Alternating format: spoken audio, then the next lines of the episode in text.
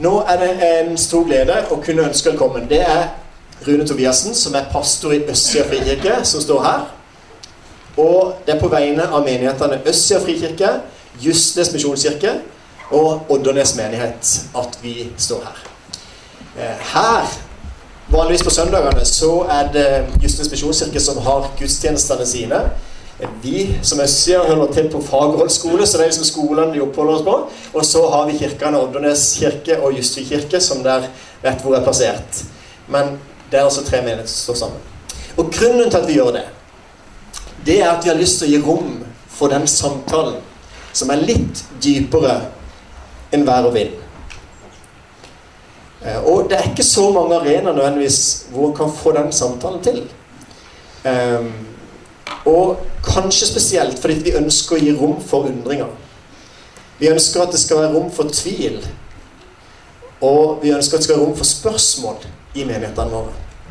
Det er ikke sånn at vi har på en måte alt på plass. Vi er, vi er alle underveis. Og derfor trenger vi på en måte å kunne være der og utfordre hverandre på vår vandring. Så kan du gjerne stille spørsmål hva er meninga med livet? Og kanskje meninga med livet er nettopp å finne meninga med livet. At det kan være en inngangsport. Og Derfor så er vi her for å stille gode spørsmål og, ehm, og ha en litt dypere samtale.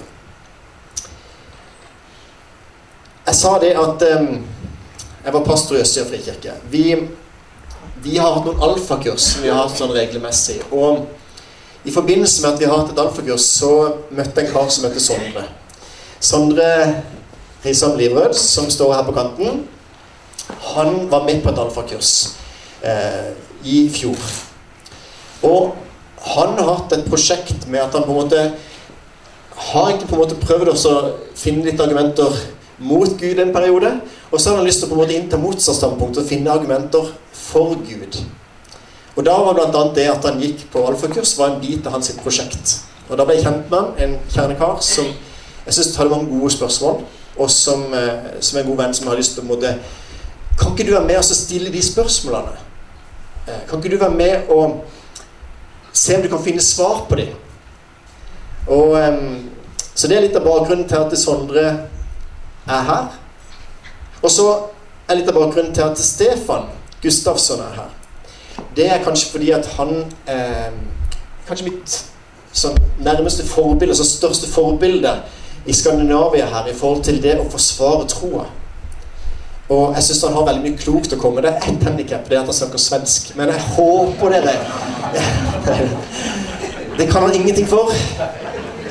Han motbeviser alt som heter ehm, Det er de vitsene vi har om svenskene. Men poenget i hvert fall at han, han er en veldig klok mann som jeg har veldig stor respekt for. Og Stefan og Sondre, da, vi utfordrer de på en måte å ha den samtalen.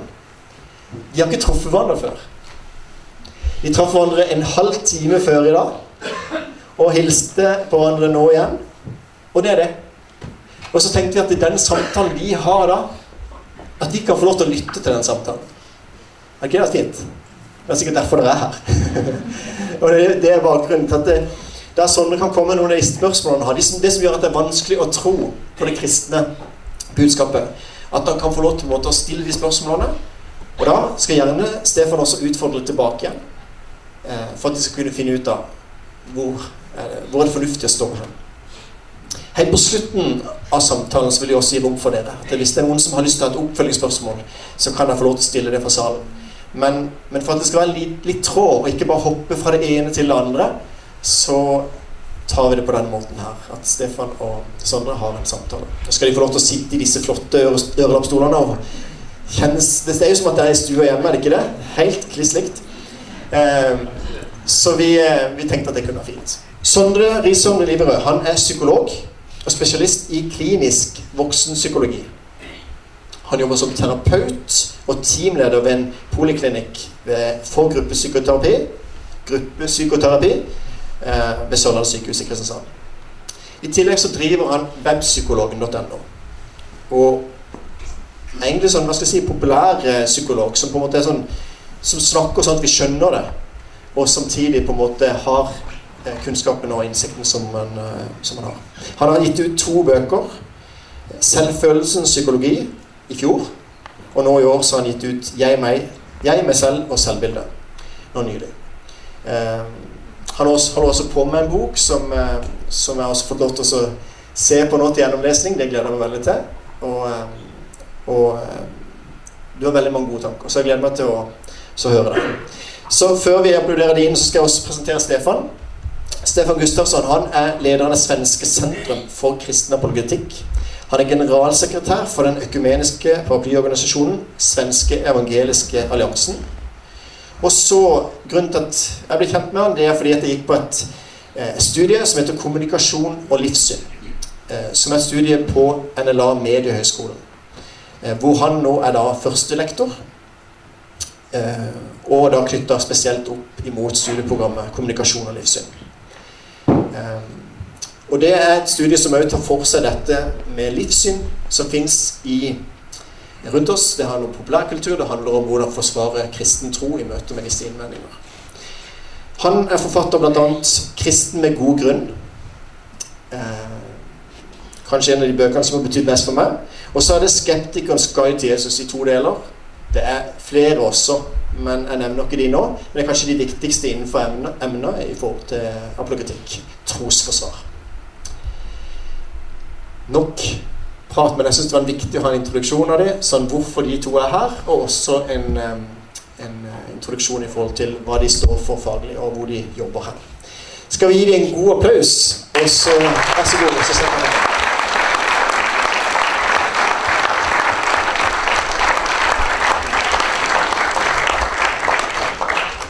så har jeg lyst til å utfordre deg på en måte, bare helt sånn i starten. Fortell litt om, om eh, Kan ikke du begynne sånn? Fortell litt om hvor du står hen, og litt din bakgrunn. Og så, så går vi over til spørsmål etter hvert. Ikke det? Uh, ja. Vil, tusen takk for uh, invitasjonen. Ja. Uh, det var spennende. Og, og du sier at jeg snakker klart og tydelig, men det er om ting jeg veit noe om. Uh, de tingene jeg ikke har så mye peiling på, vet jeg ikke om jeg snakker så klart og tydelig, uh, tydelig om. Men jeg har vært interessert i det. Dette temaet religion. Uh, jeg, jeg, har vokst opp da, i et, i et si, sekulært hjem. Det var ikke så mye snakk om religion. Jeg vokste opp på Østlandet. der er det ikke så mye snakk om religion som det er her på Sørlandet, sånn generelt sett, tror jeg. Eh, men, men, det er et tema som likevel har eh, ligget i bakgrunnen av alt jeg har drevet med tror jeg, hele, hele livet. Det, er, eh, det, har vært et spørsmål i meg veldig lenge. Og, og, jeg har også hatt en ganske lang periode hvor jeg har vært hva skal man si, ganske krast innstilt til religion. Jeg har vært opptatt av disse store ateistene og, og, og lest hva de har å si om, om religion på en forholdsvis Eh, innimellom litt nedlatende måte, kanskje. Uh, litt sånn latterliggjørende uh, måte.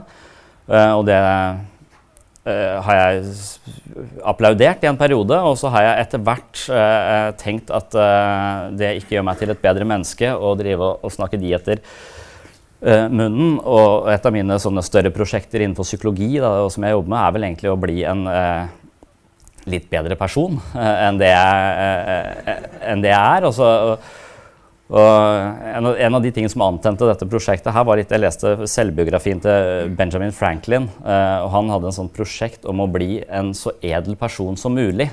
Eh, og det tenkte jeg, det hørtes bra ut. Eh, eh og, så, og, så, fant jeg ut av hva han Og en, en del av de tingene som han, eh, han snakket om, han sa bl.a. at han er veldig flink til å diskutere. Eh, og han er veldig flink til å, å vinne en diskusjon. Og da tenker jeg det er jeg også. Uh, eh, og så sto det neste linje men det er ikke noe god, eh, bra ting. Ehm, um, og, det var første gang jeg hørte dette argumentet, uh, som jeg har hørt mange ganger. Jeg er opptatt av selvhjelpslitteratur, da, så jeg leste mye, mye selvhjelpslitteratur.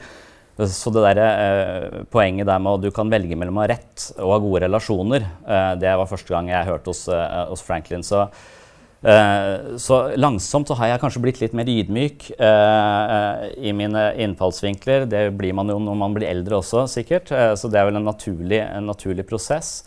Men en av de eh, områdene hvor jeg var ganske steil, da, var jo på dette med, med, med, religion. Og det var sånn jeg da tenkte at nå, nå bør jeg prøve å gå all in for andre, andre sider. Jeg prøver å finne ut av hva er det jeg er så motstander av. Uh, og så skrev jeg ned 30 uh, eh, motforestillinger mot uh, religion. og så begynte jeg på alfakurs. ja, litt før det begynte jeg dette prosjektet, egentlig. Så jeg har vært på alfakurs, vi har vært i noen bibelgrupper, og vi har diskutert disse, disse temaene. Og erfaringen min er at jeg har blitt kjent med veldig masse flotte mennesker. Jeg har hatt veldig mange gode og, og dype diskusjoner som har vært både inspirerende og tankevekkende. Så det, eh, og det syns jeg har vært, eh, vært, en flott eh, opplevelse. Og jeg er veldig glad for at du spurte meg om å komme hit, hit, i dag, selv om jeg har vært veldig redd for at jeg kaster bort folks tid ved å, ved, å, være her, og kanskje Stefan sin tid. For jeg har hørt, jeg har hørt 20 timer med Stefan på YouTube, og han er en klok og, og innsiktsfull mann, så jeg tenkte hva så, så jeg, har, jeg, har, vært litt sånn ubekvem kanskje med dette møtet i dag, men jeg, jeg, jeg gleder, meg, gleder, meg, til det. Eh, uh, nå, nå, skal jeg ikke si noe mer om meg, kanskje, men der jeg, uh, eh, jeg har nå prøvd å tro. ikke sant? Hvordan kan jeg tro? Det er noen, det er noen, eh, uh, del, noen, argumenter som har fått meg fra å være en ateist til en, til en slags agnostiker, vil jeg si at vil være mitt, mitt ståsted nå. Og en av de tingene som gjorde det, det var eh, psykologistudiet. Og, og, det var fordi at jeg plutselig litt tilfeldig havnet inn i bevissthetsfilosofi. Altså hva er menneskets bevissthet? Eh, var en tematikk vi tok opp gang på gang fordi vi var så interessert i det. På, vi fikk det inn i nesten alle fag, eh, har jeg inntrykk av. For det, det, lurte vi, vi fælt på. Og da er jo egentlig spørsmålet sånn kort sett at inni huet så er det en maskin som opererer eh, ganske avansert. Da, og det er eh, milliarder av synaptiske eh, forbindelser. Eh, og spørsmålet er om denne biologiske klumpen eh, på nevrokjemi kan gi meg alle de opplevelsene som er meg. Eh, altså er det, er det, grunn til å tro at, at kompleksitet og nevrokjemi kan gi meg en følelse av subjektivitet, en følelse av å kunne elske og være interessert og være på en måte ha en følelse av å være noe mer enn bare nevromekanikk? Uh, og det, det, spørsmålet sa veilederen min, som jeg hadde veldig stor uh, tro på, sa at det tror jeg ikke du finner ut av, da tror jeg må du gå til religion, uh, sa han. Og, og det, han hadde jo rett, vi fant jo egentlig aldri ut av det, i hvert fall ikke i en sånn naturvitenskapelig kontekst. Men, men, jeg har noen ideer om hvordan jeg likevel kan komme meg utenom religion, da, men det kan vi kanskje snakke om etter hvert.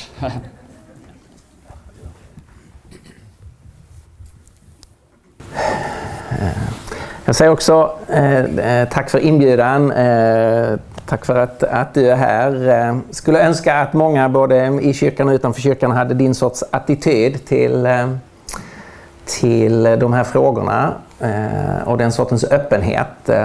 så roligt, roligt att höra lite av din story.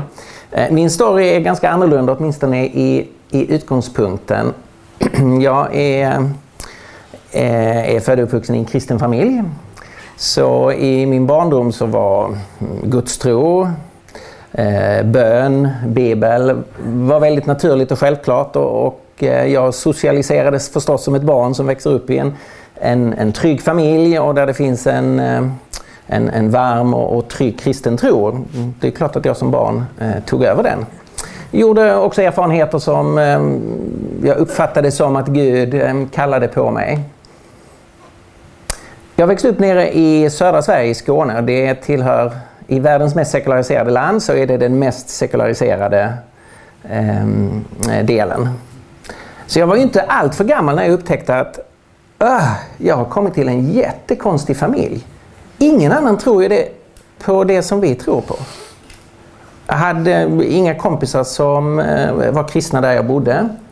Eh, I klassen var jag den enda kristna, vad jag visste var jag den enda kristna på hela skolan. Eh, så det är klart att det gav en sån här känsla av att, att vara ett UFO. Eh, och det började väcka en, en mängd frågor hos mig och jag har, jag har alltid varit som, som person haft ett, ett, ett, starkt, ett starkt behov av att få, få klarhet, eh, en, en, sorts, en sorts sanningsledelse ja, men vad är detta som min familj har? Och en känsla av att om det här är inte är sant, det kommer inte fortsätta i mitt liv bara för att det råkade finnas i min familj när jag växte upp. Så därför så eh, hade jag en, en, period när jag verkligen eh, jobbade med de här frågorna. jag kunde ju också inse att anledningen till att alla mina kompisar är sekulära, det beror på att de har växt upp i en annan sorts familj. Så det här går ju inte att avgöra på familjeplan. Så att säga, de är påverkade av sin familj, jag är påverkad av min familj. Och så kommer man ju fram till att oavsett vad man har för bakgrund så måste det ju ingå i att man bearbetar det man själv kommer ifrån och försöker ta ställning till, ska jag föra det vidare? Eller ska jag faktiskt eh, säga, nej, det där tror jag inte på, eller det där är inte sunt, eller det där... Och man måste börja förhålla sig till det som man har liksom en nödvändighet fått med sig från, från sin omgivning. Eh, så jag hade en period när jag jobbade mycket med det och kom till en, en personlig övertygelse och, och, och, blev övertygad om att, att Gud finns. Trots att det då är en klar minoritetsuppfattning i det sammanhang som jag äh, växte upp i. Och där, eh, med ett antal argument, vi kan komma tillbaka till det, men eh, det som du nämnde här som liksom har fört dig lite från ateism till en mer agnostisk position finns ju med som väldigt avgörande för mig. Och det handlar ju om eh, hur ska man förstå människan?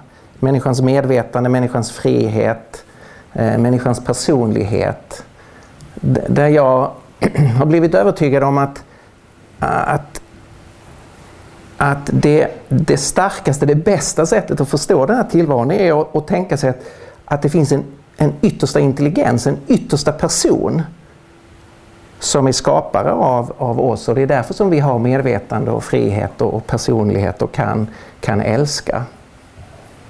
Så det är en avgörande del för mig. Och sen är förstås den historiska personen Jesus från Nasaret en avgörande del i att jag inte bara i allmän mening är gudstroende och tror att det finns en intelligens som är förklaringen till universum, utan att jag också tror att, eh, att denna intelligens, denna person eh, har visat sig i Jesus från Nasaret och gett, eh, gett oss en, eh, ett ansikte, så att säga, en, en, en, en bild som gör att man då inte behöver vara, som jag ser det, agnostiker utan faktiskt kan veta någonting. Men det här kan vi komma tillbaka till. Så det, det, det är eh, lite av min story. Sen har jag ju sett att det som jag, genom att jag hade en udda uppfattning i Sverige, tvingades in att börja diskutera det här eh, och diskutera med mig själv så att säga. Eh, jag har tyckt att det är så enormt viktigt att försöka få igång den sortens samtal, oavsett vad en människa sen landar i för, för sorts övertygelse, att vi måste i, i våra länder få igång ett bättre samtal i sådana här livssynsfrågor. Och därför är det jättekul att ni är här, att vi får den här kvällen. Hoppas det kan stimulera igång en massa tankar hos oss. Mm. Ja, tack för det. det är lite svårt att veta var man ska börja eh, begynne dette eh, eh, så du, du vokser upp opp i, en, eh, i en kristen familj. Men du, på ett eller annet tidspunkt så tar du et, eh, et standpunkt. Eh, du vurderer eh, dette. Eh, og, og, det vil kanskje være ateistens argument. Sånn, eller sånn at det, hva du tror på, er jo helt betinget av hvor du vokser opp.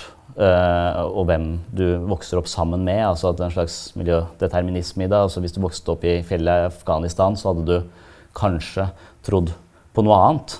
Uh, og, og, det er vel mitt første sånn uh, usikkerhetsmoment uh, sånn i forhold til jeg, si, jeg, jeg, jeg, er jo redd, jeg er redd for å dø, og jeg er redd for at ting er meningsløst. og det, det, er en av de, den frykten som, som, ligger i meg, som på en måte håper at du har rett, da. men som har litt problemer med, med, med, å ta det nettopp fordi at når du kommer um, Eh, utenfra ikke har hatt noe særlig forhold til eh, religion, annet enn sånn kulturelt. altså At jeg er medlem av statskirken og har liksom mm, hengt med. Eh, men, eh, men, jeg har aldri tatt noe sånn Det er først i ungdomsårene og tidlig voksen alder at jeg begynte å, å, å, ta stilling til det. Men da, er det jo denne, da møter du jo dette eh, koldtbordet av forskjellige eh, ide, ideer om, eh, om metafysikk og, og, og Guds eksistens. Og jeg har jo ikke anledning til å sette meg inn sånn veldig dypt og endelig i alle sammen, sannsynligvis. Og da, og da virker det jo eh, litt sånn hasardiøst nærmest også velge, velge én. Eller sånn det, det, det, det, slår deg som eh, litt eh, et sjansespill da, når mange mennesker påstår eh, med forskjellige typer guder eh, at de har den endelige eh, sannheten. Så, så, så, virker det sånn i utgangspunktet helt naturlig da å tenke at eh, enten så har alle litt rett, eh, og de snakker om det samme, men de snakker helt forskjellig språk, og de er uenige på sånne eh, litt uviktige ting.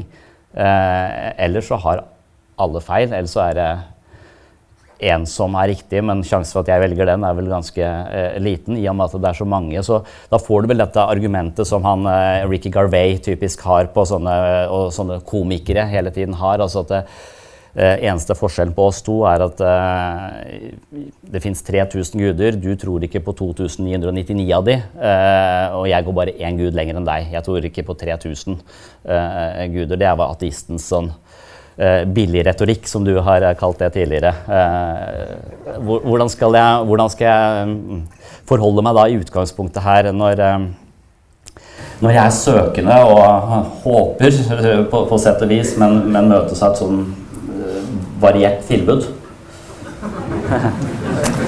Just det. Eh, det, det, det, är alldeles uppenbart att vi är påverkade av, av vår miljö. Så att om man föds i, i Afghanistan så de flesta fortsätter då vara muslimer. Om du föds i Indien så fortsätter de flesta vara, eh, vara hinduer. Om du föds i södra USA så är, blir de flesta är, är kristna. Och det är klart om du föds i Sverige så blir du sekulär. Eh, och, och det här konstaterandet är ju inget argument för det sekulära i kontra religion utan det är bara ett allmänt konstaterande att alla är påverkade av sin miljö. Så det går inte att använda det mot religion. Utan det enda som det leder fram till det är ju den slutsatsen att var och en måste bearbeta sin egen bakgrund och fundera på var det här någonting bra eller sant som min kultur gav mig? Oavsett om det gav mig det sekulära perspektivet eller det hinduiska perspektivet. Så det, det borde ju sätta liksom alla i rörelse att börja undersöka.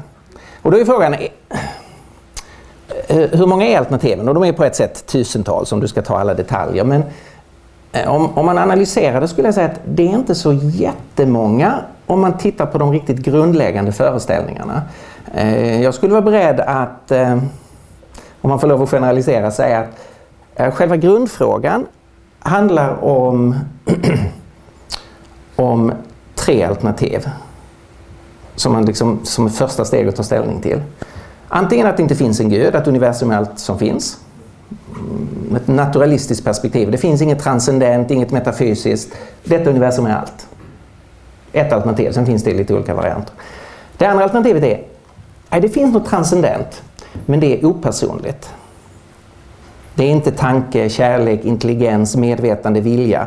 Och det är det som österlandets religioner hävdar hinduism och, och buddhism och taoism och, och så. I, I, tusen olika varianter, men själva grundföreställningen är att den transcendenta verkligheten är, är opersonlig. Och sen har du eh, de religioner som hävdar att det finns en transcendent verklighet och den är en person. Eh, inte en gubbe på ett moln, inte en, liksom en, eh, en kroppslig, fysisk, begränsad gud, utan en andlig verklighet, men som är fullt ut personlig. En oändlig personlig gud, en intelligens, en kärlek, en tanke. Här har man tre alternativ. Det är tre grundalternativ som man, jag tycker man kan förhålla sig till och ta någon sorts första ställning eh, eh till. Om, om vi gör en kort kommentar till eh, det jag då tycker är billig retorik som eh, Richard Dawkins och andra säger att eh, jag är ju ateist i relation till man kan säga mer än 3000 gudar, hinduismen 20 000 gudar och så. Så därför är jag egentligen mer ateist nästan än gudstroende. Jag säger nej till 20 000 gudar och ja till, till bara en. Alltså det är ett ganska fånigt sätt att tänka och, och han som, om ni nu tar Dawkins, som evolutionsbiolog borde kunna tänka på det. Om man tar från de gamla grekerna till, fram till idag så finns det massor med teorier om livets utveckling på jorden. Richard Dawkins säger nej till alla utom Darwins. Då skulle jag kunna säga, ja men titta här du har sagt nej till de här hundra. Varför säger du inte nej till den också? Men svaret han skulle ge och säga, nej för den är sann och de andra är falska. Ja, det är klart att det är min övertygelse så att säga. Jag tror inte på hinduismens eh, olika gudar. Eh, jag har blivit övertygad om att eh, det bästa svaret på varför vi finns här är en personlig gud. Men som är en oändlig gud.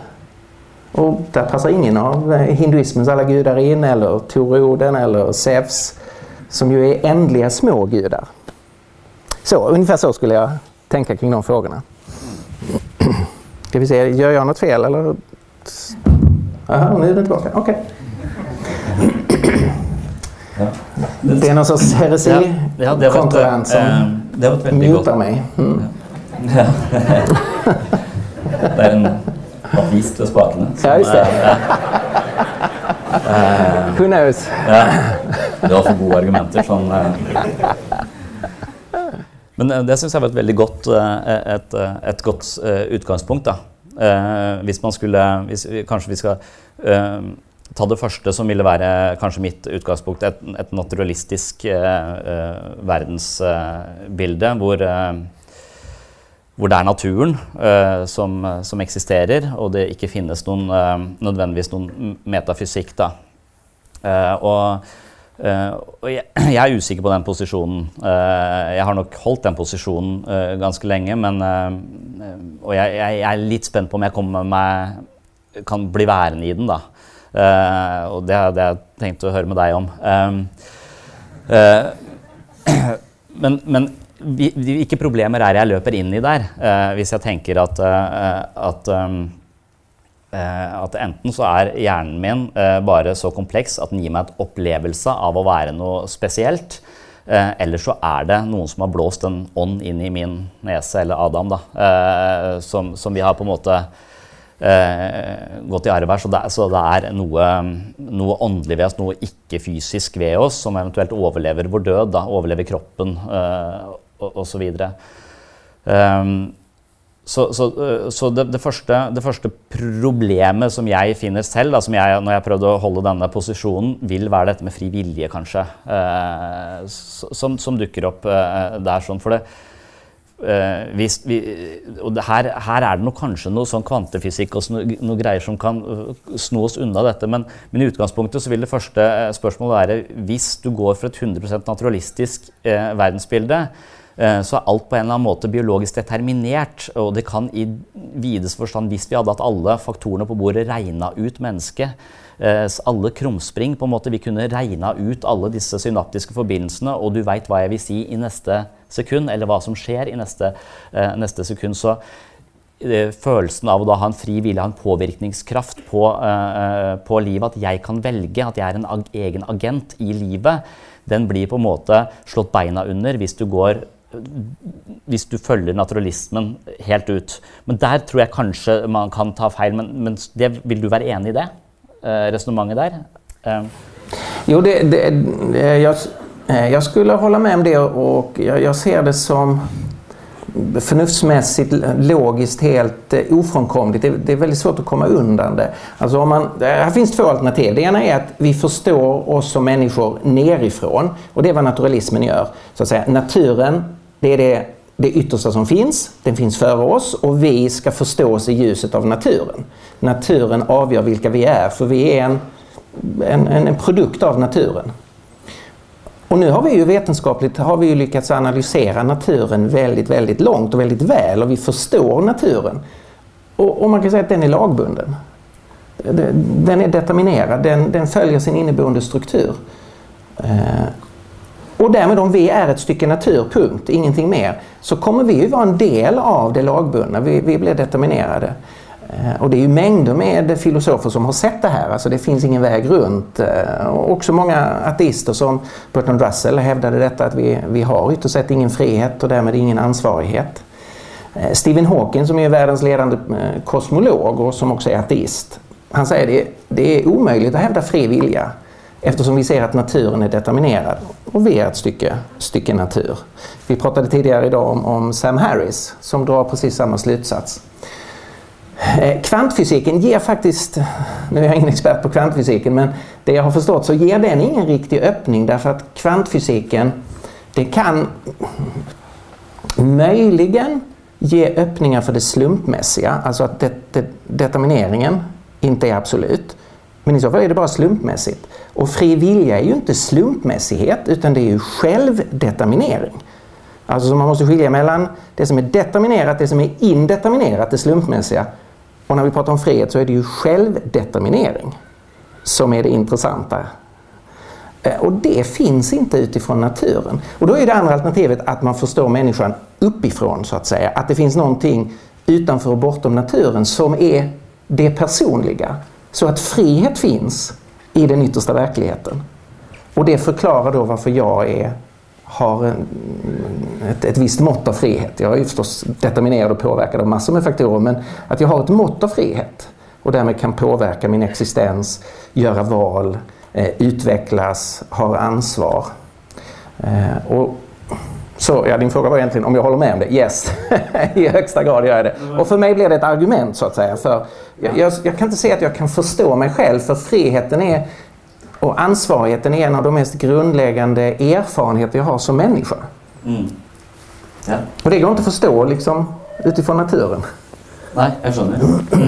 Uh, og det er der jeg stanger, eh, stanger litt. Da. Og I hvert fall ut ifra min egen uh, hverdag uh, og min egen bakgrunn som psykolog, så, så, kan man nesten ha en idé om, eller i hvert fall så har jeg operert ut ifra en tanke om at de menneskene som sliter, eh, som jeg møter, som har det vanskelig eh, Hvis de får det bedre, så er det fordi de får mer fri vilje, eh, på en måte. Eh, og det kan jo kanskje og, og, da må det jo eksistere eh, hvis at de skal, skal, få mer av det. Men, men, innenfor psykologien så vil man jo tenke at vi, at vi på en måte er forholdsvis determinerte. da.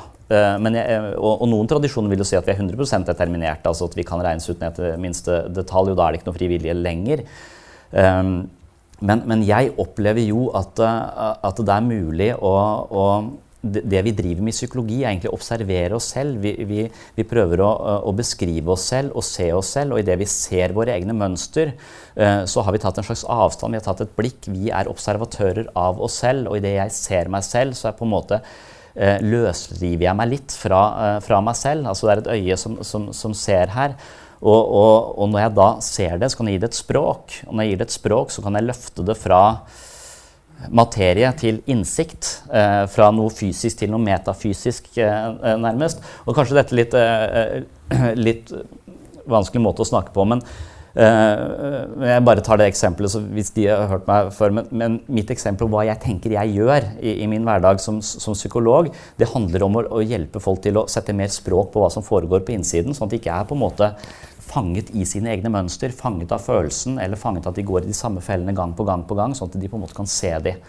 Uh, og, og gi vårt indre liv et språk er da en del av, av den te tematikken. Og, og, for min egen del så ble det veldig tydelig når, eh, når jeg ble tvunget på babysang. Og jeg, jeg snakker jo ofte om dette babysangeksperimentet mitt. og det Eh, nå er jeg blitt pappa for tredje gang eh, og har en, eh, en datter på, på, fire måneder nå som også truer med å gå på babysang. Ehm, eh, eh, eh, og Poenget med babysang var at det var min første datter som skulle på babysang. og Det foregikk i en kirke på, eh, på Søm, og, og det stressa meg noe veldig. Jeg var stressa i det hele tatt at jeg skulle være hjemme alene med henne. Eh, og kona mi skulle på jobb, og jeg fikk en bag med bæsjebleier og jeg fikk eh, hun på armen. Og så sa hun at uh, du, hun elsker å gå på babysang. Og jeg vet ikke eh, hvorfor. Det heter babyrytmikk eh, på svensk, og det vet jeg fordi Knausgård har skrevet om det. Og det er en del av historien. Men når jeg kommer ut på babysang, så, mm, så, står jeg der med bæsjebleier og, og, og Amelie på, på armen. og så ser jeg 16 damer som sitter i ring og nynner. Uh, og så tenker fornuften min altså 5 tenker man i psykologi er, uh, eller innenfor nevropsykologi at 5% er bevisst, 95% er ubevisst. Så ekstremt mye av det vi foretar oss, tenker og føler, er bare generert av ubevisste krefter. Og det går ikke via uh, bevisstheten vår. Men jeg tenkte bevisst der at her er det 16 damer som sitter i ring og nynner. det er ikke farlig, tenkte jeg. Men disse 95 andre prosentene sa at du er i livsfare. Så de pumpa de pumpa masse blod ut til store muskelgrupper, ut til, eh, ut til armene mine, ut til beina. Og ideen da innenfor eh, psykologi vil være at eh, grunnen til at eh, kroppen min reagerer med alarmberedskap, pumper masse blod ut for at jeg enten skal angripe de eller stikke av. Eh, det er ingenting passer, Det passer ikke verken å angripe eller stikke av når du er på, på babysang i Søm, i Søm kirke. Og jeg er fanget av meg selv. Det kalles jo panikkangst. Jeg er fanget av, uh, av meg selv, og, og, jeg får en bæsjebleie også der, og så, da må jeg jo bare evakuere. Så, så, drar jeg hjem. Men når jeg kommer hjem da, så leser jeg eh, type Knausgård, som er Jeg vet ikke om du kjenner han, men eh, han bor vel i Sverige? Ja, mm, eh, og jeg var veldig opptatt av det syv år siden, så da, jeg synes det var fantastisk. For den mannen har brukt seks bind han på å kikke inn i seg sjøl og finne ut av hva foregår her inne. Og, og det syns jeg er litt sånn dannende prosjekt, for mye av det som foregår inni han, ligner litt av det som foregår i meg. Så det er på sett og vis han kan hjelpe meg til å se sider ved meg selv som jeg ennå ikke har oppdaget, fordi han har så rikt språk. da. Og når jeg da leser 15 sider om menn på babysang hos Knausgård, så står det der at menn står i fare for å bli impotente eller miste sin maskulinitet når de går på babysang. Og da forstår jeg reaksjonen min. ikke sant? Men, men, da klarer jeg å løfte reaksjonen min fra kropp, fra hjertebank, fra vondt i magen og opp til innsikt. Altså, jeg bruker språket. Eh, så ved å se meg selv, ved å observere meg selv, så kan jeg gi det et språk. Jeg kan gi dette egoet mitt, som eh, da kanskje er trua på sin maskulinitet, eller hva det, hva det skal være. Jeg kan se det, og idet jeg ser det, så, så, løfter jeg det fra kroppslig plage til innsikt. Eh, eh på, på en måte. Og det setter meg på sporet av eh, dette poenget. Altså, kom, kan vi komme oss utenom eh, Eller kan, kan, det tenkes at, det, eh, at det språket er nøkkelen her? Altså I begynnelsen var ordet, ordet var hos Gud, ordet var Gud. Eh, er det ikke noe sånt noe? Ehm, eh, at, at, det er et sentralt element. Altså Idet evolusjonen eh, på en måte eh, selekterer for språk, symbolbruk, så kan vi transcendere vår egen kropp og, eh, og, på en måte komme oss ut av denne eh, biologiske maskineriet, på sett og vis. Altså at, at språket kan gjøre ting metafysisk. Akkurat som noe vi kanskje da kaller et epifenomen. altså Bevisstheten har et epifenomen. At, kan, eh, at den har denne elementet som er metafysisk i det vi klarer å, å, tematisere ting i språk. Altså Jeg kan forklare deg hvordan det ser ut hjemme hos meg, og du kan, få, du kan plutselig være der uten at du er der. Så det er metafysisk, på en måte. Um, så, så eh, En klokke jeg vil jo, eh, Hvis du plukker den fra hverandre, bare være mange metallbiter. Men setter du den sammen, så får du tid. Eller du får noe som viser oss tid. Så, så eh, kan, eh, kan, jeg bruke eh, det? Kan, jeg, kan, språket hjelpe meg ut av fri vilje-problematikken min? Nej, jag, jag, tror inte det. Jag tror att det, du ringer verkligen in en nyckel här och det är, det är språket, eh, ordet. Logos som, Johannes evangeliet börjar med på grekiska som ju betyder både ord, språk och, och tanke därför att språket bygger ju på logik, på tanke. Men jag har svårt att se hur man kan gå Alltså jag tror du ringer in själva nyckeln har, har med, med, språket att göra, med kommunikation att göra. Men jag har svårt att se hur man kan gå från eh, en determinerad natur och att den då skulle generera friheten. Eh, och allt det som språk och kommunikation och logik står för. Eh, eh jag, jag, kan omöjligt se hur en lagbunden värld skulle kunna, skulle kunna som resultat ge eh, det. Jag vet att det finns som en, som en teori men jag tycker inte alls att den är övertygande. Jag tror att man behöver gå på andra hållet, alltså inte börja med det lagbundna som leder fram till på något mystiskt sätt att vi får frihet. Utan att vi behöver starta med logos, som evangeliet gör. Alltså att det yttersta som finns är en tanke, är språk, är kommunikation. Eh, och denna tanke har velat att vi skulle få del av detta och det är därför som det har eh, utvecklats hos oss. Men att det börjar i, en, eh, det börjar i så att säga, en högre värld.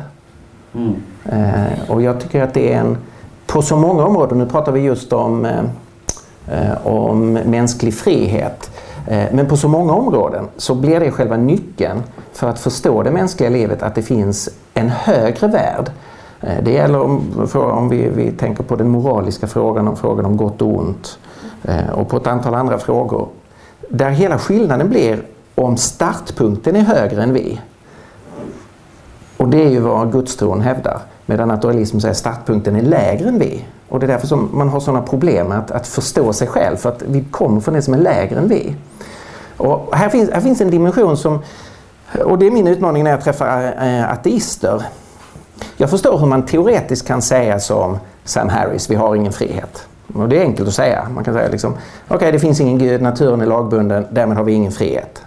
Jag accepterar att vi är determinerade. Men sen måste man ju leva hela sitt vardagliga liv. Och där finns det ju ingen människa som tar den teorin på allvar. Nej. Att vi skulle vara determinerade. Och då får man ju en livssyn som man inte kan ta på allvar i sitt eget liv. Och för mig sätter det då ett jättefrågetecken för den livssynen. Det verkar inte meningsfullt riktigt att ha en livssyn som jag bara kan ha i en teoretisk diskussion men som jag så fort jag ska leva mitt liv inte kan tillämpa. Varför skulle jag välja en sån livssyn? Eh, och så att säga, talar det inte emot att den livssynen skulle vara sann. Den förklarar ju inte livet. Den motsäger det mänskliga livet. Mm. Ja, nej, jag, jag förstår um, argumentationen och jag kan godt se at du ikke kjøper språkargumentet. Det, er eh, eh, eh, en som heter David Chalmers, som, som har foreslått at bevissthet er et slags siste grunnstoff av noe slag. Da. At det, det er, har en eksistens i seg selv på en eller annen måte, og så at det materialiserer seg. Men da ender vi vel kanskje opp i denne mer østlige inspirerte eh, varianten, eh, på, på sett og vis. Så, Ehm, men eh, for, for, for, dette baler jo jeg med da i min, min hverdag. Det, det, virker for meg som, ehm, som om jeg, jeg, er nødt til å gå ut ifra at vi har en type fri vilje. For det virker som om jeg jobber, som om jeg jobber med det. Eh, og, og, frigjøre folk fra eh, mønster som de har kommet inn i, og som de på en måte har, har satt seg fast i. Og, og, og i den grad jeg da begynner å, å, å bli religiøs i det, eller tenke religiøst i det, er, er eh, Og den typen religion som ligger tettest på psykologien, er kanskje buddhismen eller eh, blant de østlige eh, tradisjonene. For, for jeg har, har, tenkt at det, dette prosjektet mitt eh, og, og, og, mange andre ting er at det, mitt største problem er jo egoet mitt. Og det tenker jeg kanskje er alle menneskers største problem. Og, og, måten jeg forstår ego på, er vel at ego er en slags mental konstruksjon um, som, uh, som, forteller meg hvem jeg er, og jeg identifiserer meg med mitt eget ego. Da. Uh, og, og dette, denne størrelsen, dette, dette ego, er eh, Kanskje en annen metafor kan være at hvis hjernen er en datamaskin, som er en dårlig metafor på mange måter, men som kanskje er litt pedagogisk Hvis hjernen er en, en, en datamaskin, så er det eh, opp til eh, så er det programvaren som avgjør hvordan jeg tolker ny data. Så jeg har en hjerne, og jeg har eh, da et operativsystem, og det operativsystemet er installert av andre mennesker. Det er installert av foreldrene mine og vennene mine osv. Alle jeg har møtt opp igjennom. Så hvem jeg er, hva jeg forstår eh, av meg selv, og hvordan jeg definerer meg selv, er hvordan andre mennesker har eh, Eh, snakke til meg om meg. Eh, så jeg på en måte leser om meg selv i andres øyne. Jeg vet hvem jeg er idet jeg blir sett av, eh, av, andre. Og det blir min identitet. Det blir et operativsystem. Og da møter vel jeg mennesker som kanskje har opplevd å bli mobba eller tråkka på eller eh, kritisert hele tiden. Og i, i, den, eh, i, møte med den virkeligheten så har de fått en idé om at de ikke er like gode som andre. Eh, og, og, når jeg ikke er like god som andre, så stiller jeg meg bakerst i køen. Jeg tar ikke min plass, og jeg blir alltid glemt. Jeg blir usynlig. Og, og følelsen av å være eh, annenrangs bare Eh, forsterkes eh, hele tiden. Så, så istedenfor å ta nye utfordringer som kunne ført deg videre i, i livet, så, eh, så vil du eh, rett og slett bare unnvike alle utfordringer og på en måte bekrefte din egen følelse av å være mislykka. Så mislykkaheten er egentlig bare en idé som er installert i huet ditt av andre folk, men idet du lever den ut, så blir den virkelig. Eh, så, så, det er jo sånn en grunnleggende eh, eh, tanke. Så i psykologi da, så har jeg tenkt at det vi driver med, er jo egentlig å, å ta livet av ego. Vi vil ha egoet Eh, vi vil dementere ego, og det er den østlige uh, tradisjonen. Den, den, sier at ego er bare en total misforstått idé uh, som du tror at du er. Og da kommer f.eks. meditasjonen inn, som er en viktig del av min hverdag. Og, og, på en måte, og, og vi har grupper med mindfulness og, og, disse. Og det vi tror vi gjør, og det vi tror vi gjør i psykoterapi, er jo å beskrive ego. Altså stå utenfor ego og beskrive dette, uh, dette ego. Og idet jeg kan se det, jeg kan se mitt eget mønster, så har jeg da fått noe mer frihet til å endre meg. Og så kan man og der jeg da uh, begynner å kanskje gå over på ditt andre alternativ, hvis ikke dette med språket fungerer, altså at språket kan transcendere uh, mitt, min automatikk, på en måte. Eh, at jeg går i de samme mønstrene og er på en måte fullstendig determinert. Så ser jeg meg selv, og jeg får mere, uh, flere valgmuligheter. Jeg kan rett og slett reprogrammere meg selv. Jeg kan si at jeg er grunnleggende verdifull som menneske, og ikke fordi at jeg har så og så mange likes på Facebook, eller jeg har så og så mye intelligens, eller jeg har så og så altså, Så dette er ubetydelig. Og når, jeg, eh, når, vi driver med dette, så er det jo da også prøve å løse platene litt eh, i ego. Og meditasjonsprosjektet handler jo om å sitte og hvile som en observatør til dette. Og, og da gradvis erkjenne at eh, jeg er den som observerer dette egoet. Og idet du forstår det, så vil altså følelsen av å ikke være god nok, alt dette, smuldre litt. Det, det vil være ideen. Og, og, så må man også tenke, Hvis man ser på hvordan hjernen fungerer i f.eks. meditasjon, så svinger den på forskjellige frekvenser. Uh, og hvis du mediterer da, så vil du eventuelt uh, gradvis lære deg å ta bruk noen dypere nivåer av din egen, uh, egen bevissthet. Og, og, i løpet av et døgn så er vi inne i forskjellige typer bevissthetstilstander. Og det som skjer er at Når jeg er våken og sitter her, sant, liksom, så er jeg opptatt av egoet mitt. Jeg er opptatt av å ikke drite meg ut, jeg er opptatt av å si noe fornuftig. Jeg er opptatt av eh, uh, hvor mange som ler på de riktige stedene. og sånn. Altså Livets kjas og mas, denne, denne kampen. Uh, mens når jeg kommer hjem og legger meg så, og, og, sovner, så vil jeg på en måte Ego blir litt, mer lø, litt løsere. Jeg vil kanskje drømme, jeg vil kanskje kunne endre personlighet. Altså, Jeg som menneske er ikke så fastlåst lenger. Uh, eh, og så i neste omgang så kommer dyp søvn, hvor hele ego forsvinner, det er jo en liten død. Og jeg er jo veldig redd for å dø, men jeg er ikke redd for å sove. Veldig glad i å sove, men når du tenker etter, så vil dette For da er det bare bevissthet, er vel ideen her. Da er det bevissthet uten et objekt. Eh, så bevisstheten er alltid bevissthet om noe annet enn eh, en seg selv. Uh, og, og, og, så da denne, denne, bakenforliggende bevisstheten som er i oss, vil da hvile. Og så når vi våkner, så vil ego være der, og så vil vi identifisere oss med dette. Men det vi dypest sett er, er denne. Uh, og, og, mens ego er det vi hele tiden tror vi er, det er, det er kampen. Uh, på sett og vis. Så når vi våkner da, så våkner vi tilbake i dette lille, trange uh, forståelsen av oss selv. Men psykoterapi vil hele tiden gå på å prøve å pushe tilbake og gi oss mer rom i ego. Tåle flere følelser, forstå flere følelser og bli mer fleksible og få mer, mer frihet. Men denne bakenforliggende størrelsen, da, denne, denne bevisstheten, er det, hva er det for noe? Er det ånd? Er det eh, rett og slett bare en, en, egenskap av kompleksitet? Kan vi si at alle dyr også vil ha denne bakenforliggende observerende be bevisstheten? Eh, mens hvis den kanskje vil være litt mindre fordi hjernen deres er mindre sofistikert enn vår? Eh, kan vi forstå det naturalistisk? Eller, eller må vi si at dette her er bevissthet? Dette er et bakteppe for alt vi er. Dette er ånd, dette er sjel. Dette vil overleve kroppen din. Dette vil eh, materialisere seg på nytt i neste liv, f.eks. Hvor du blir gjenfødt som bikkje eller gris, eh, eller, eller, noe sånt. Eller der, der bader jeg litt eh, med de spørsmålene. Ja.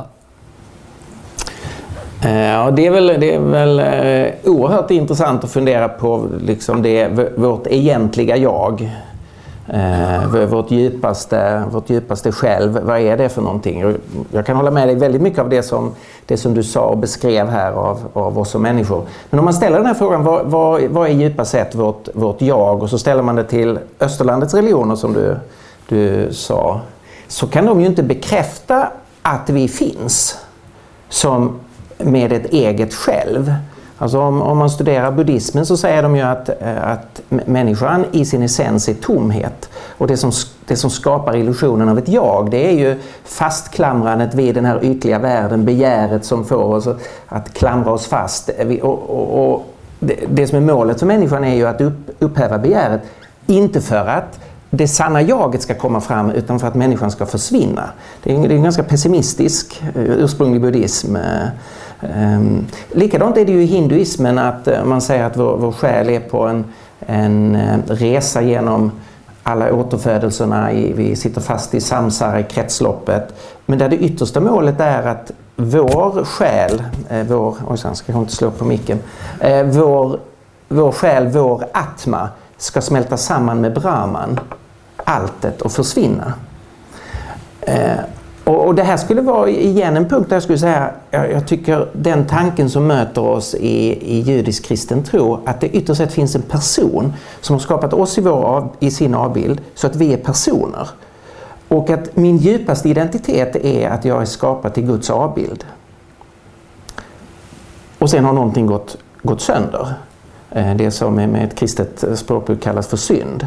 Eh, och då är den, den kristna bilden av människan är eh, att vi verkligen har ett bestående jag eftersom vi är skapade i Guds avbild. Du kan kalla det själ, eller ande, eller person, eller jag, eller själv. Själva terminologin är, är mindre viktig. Men att jag faktiskt finns. Jag existerar. Någon har givit mig existens. Och jag är inte bara ett resultat av vad andra har gjort med mig eh, under min uppväxt utan Eh, jag har en individualitet som i och för sig kan ha blivit deformerad och förstörd eller sårad eller skadad och undertryckt och så. Men jag finns verkligen. Och målet är att mitt jag ska få komma fram och blomma ut. Eh, och, och, den fortsatta så att säga, kristna historien, eh, evangeliet, det handlar ju om att Jesus kommer för att renovera människan. Jag tycker den, den vackraste formuleringen kring en kristen människosyn kommer från en man som heter Francis Schaeffer. Han sa att människan är a glorious ruin. Alltså skapad underbar som ett palats eh, ursprungligen menad för Guds närvaro. Men någonting har ruinerat oss. Så vi är glorious ruin, vi är sönder. Men vi har fortfarande en härlighet kvar. Och budskapet om Jesus från Nasaret handlar om ett renoveringsprojekt av människan, att Gud vill återställa oss. Det är, det är liksom den, den kristna berättelsen. Och den fullständiga återställelsen kommer eh, på, på uppståndelsens dag, den ligger fortfarande framför. Men Gud vill påbörja en renovering i våra liv nu. Så slutpunkten här blir att jag är inte så imponerad av den, de, den österländska förståelsen av människan. Eh, jag tycker inte den är till hjälp därför att den undergräver människan som en bestående personlighet. Nu vet jag att det finns liksom en del västerländska varianter som är lite mm, så att säga, mer positiva här till. Men, men det är de därför att de lånar för mycket från kristendomen. Det är inte ursprunglig eh, hinduism eller buddhism. Mm. Men vad sker då när vi dör? Um, på, uh, har vi med oss ego? Eh, har vi med oss uh, vår identitet, vårt selv, vår eh, vår forståelse av hvem jeg er og hvor jeg kommer fra og, og så videre. Altså dette, vil dette ego bestå?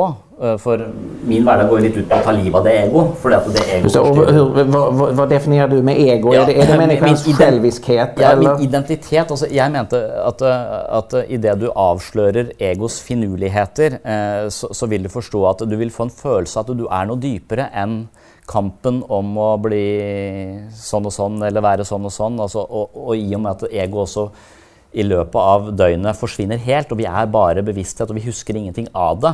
Og hvis du ikke uh, får sove, så blir du psykotisk. Uh, for da blir du fanget uti denne uh, eh, på en måte kampen her sånn. Så, så vi må innom dyp drømmeløs søvn, da bare bevissthet, i løpet av et døgn for å få, for å få hvile.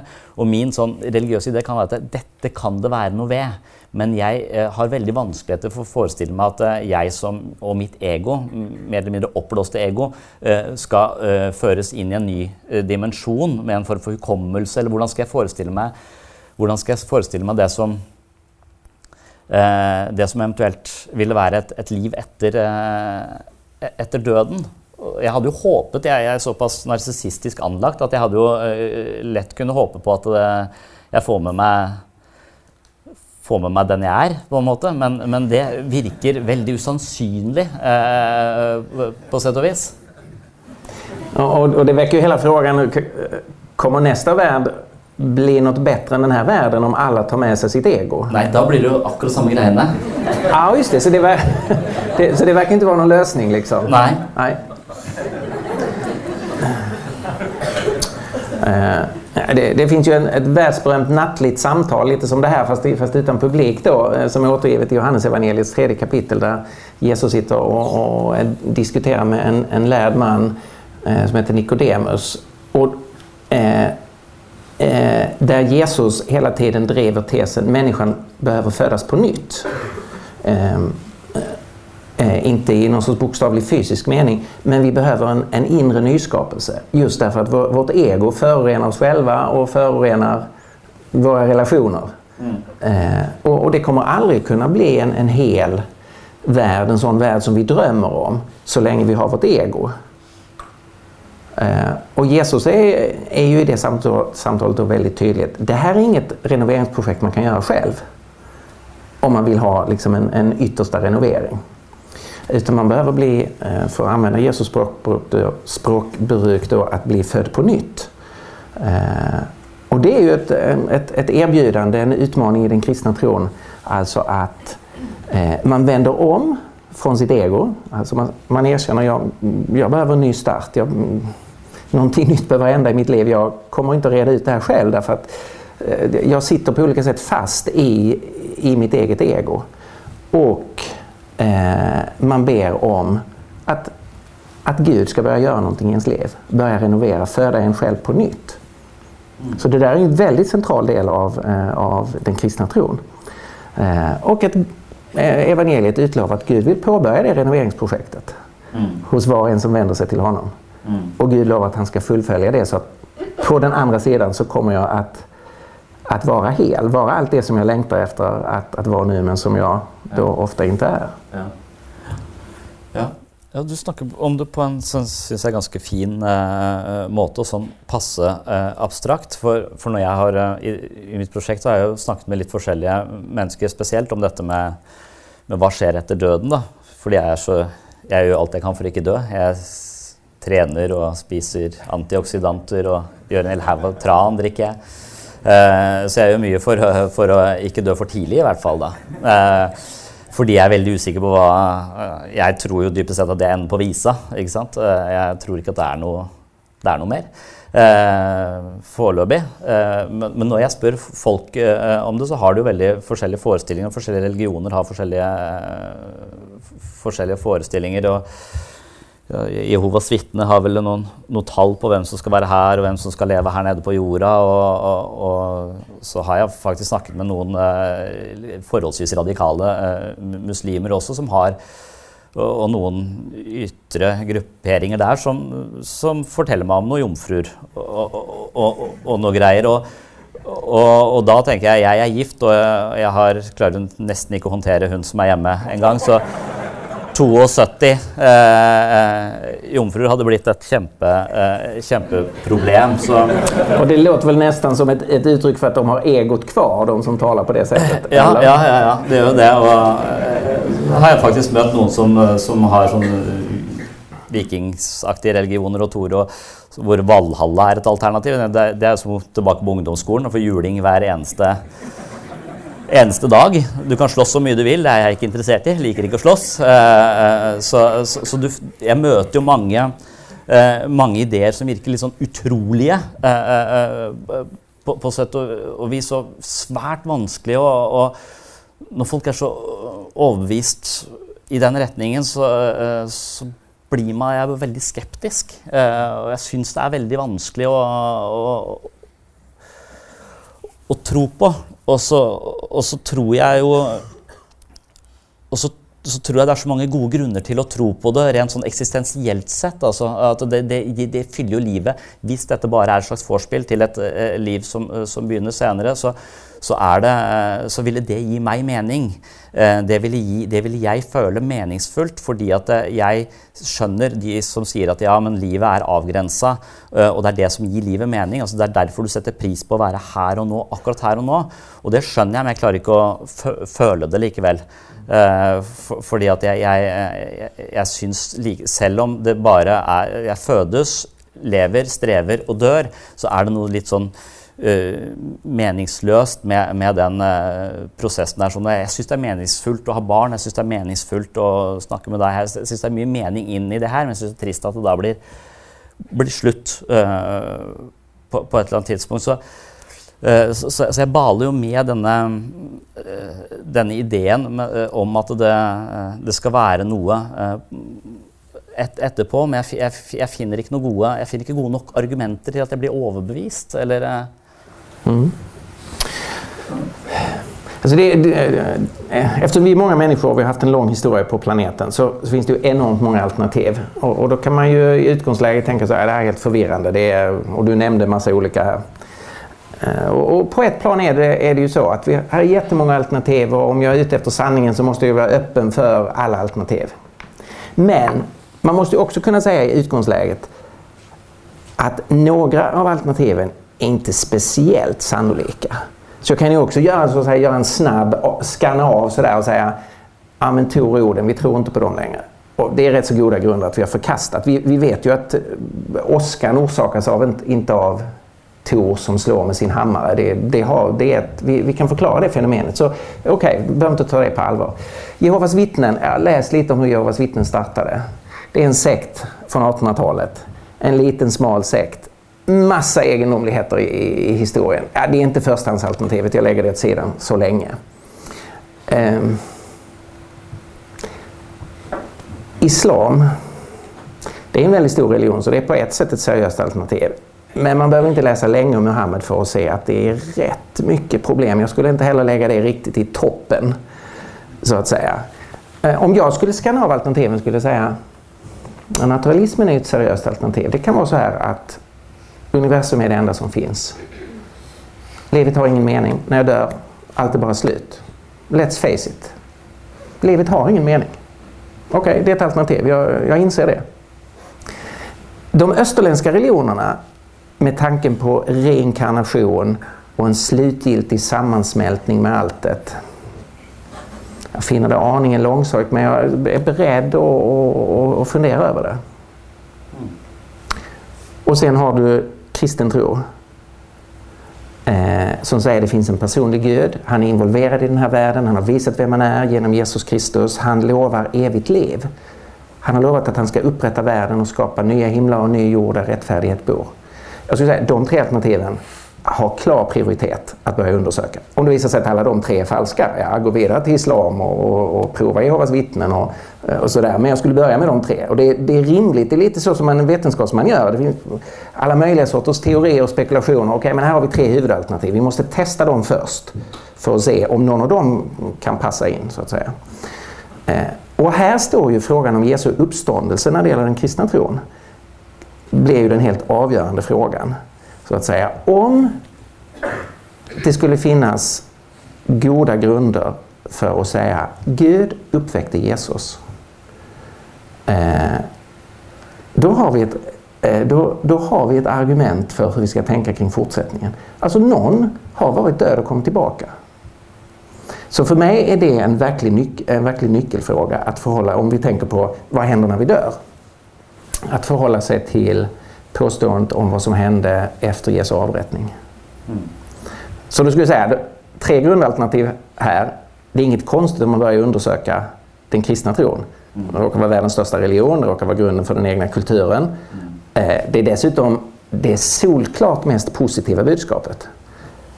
Ja. Av de här tre. Mm. Jag menar, naturalism säger att livet är meningslöst. Det österländska säger du har ingen bestående identitet, du ska smälta samman med alltet. Och kristen tro säger det finns en Gud som älskar dig. Han vill ge dig evigt liv, han vill upprätta och hela. Det finns en framtid. Wow. Det kanske inte är sant, men det är ett fantastiskt budskap. Är det sant? Så är det... Ja, liksom. ja. Min erfaring är att allt som virker eh, väldigt gott är för gott till att vara sant. Liksom. Så allt jag liker tanken på är usunt som regel. Um, så ja, jeg, jeg ser eh, jeg, jeg, Ja. Uh, og, og, da kommer man kanskje til uh, må, måtte snakke om evangeliene og, og, og, de tingene der. For de, de, vil jo bli avgjørende hvorvidt man tenker at det som faktisk står der, har skjedd. Da. Uh, og da vil man også kanskje psykologien komme inn og være litt sånn skeptiske til om, um, om kildene er gode nok. Eh, fordi man vet at eh, hvis du spør folk her hva de gjorde forrige fredag, så vil de ikke kunne redegjøre for det, mange av de.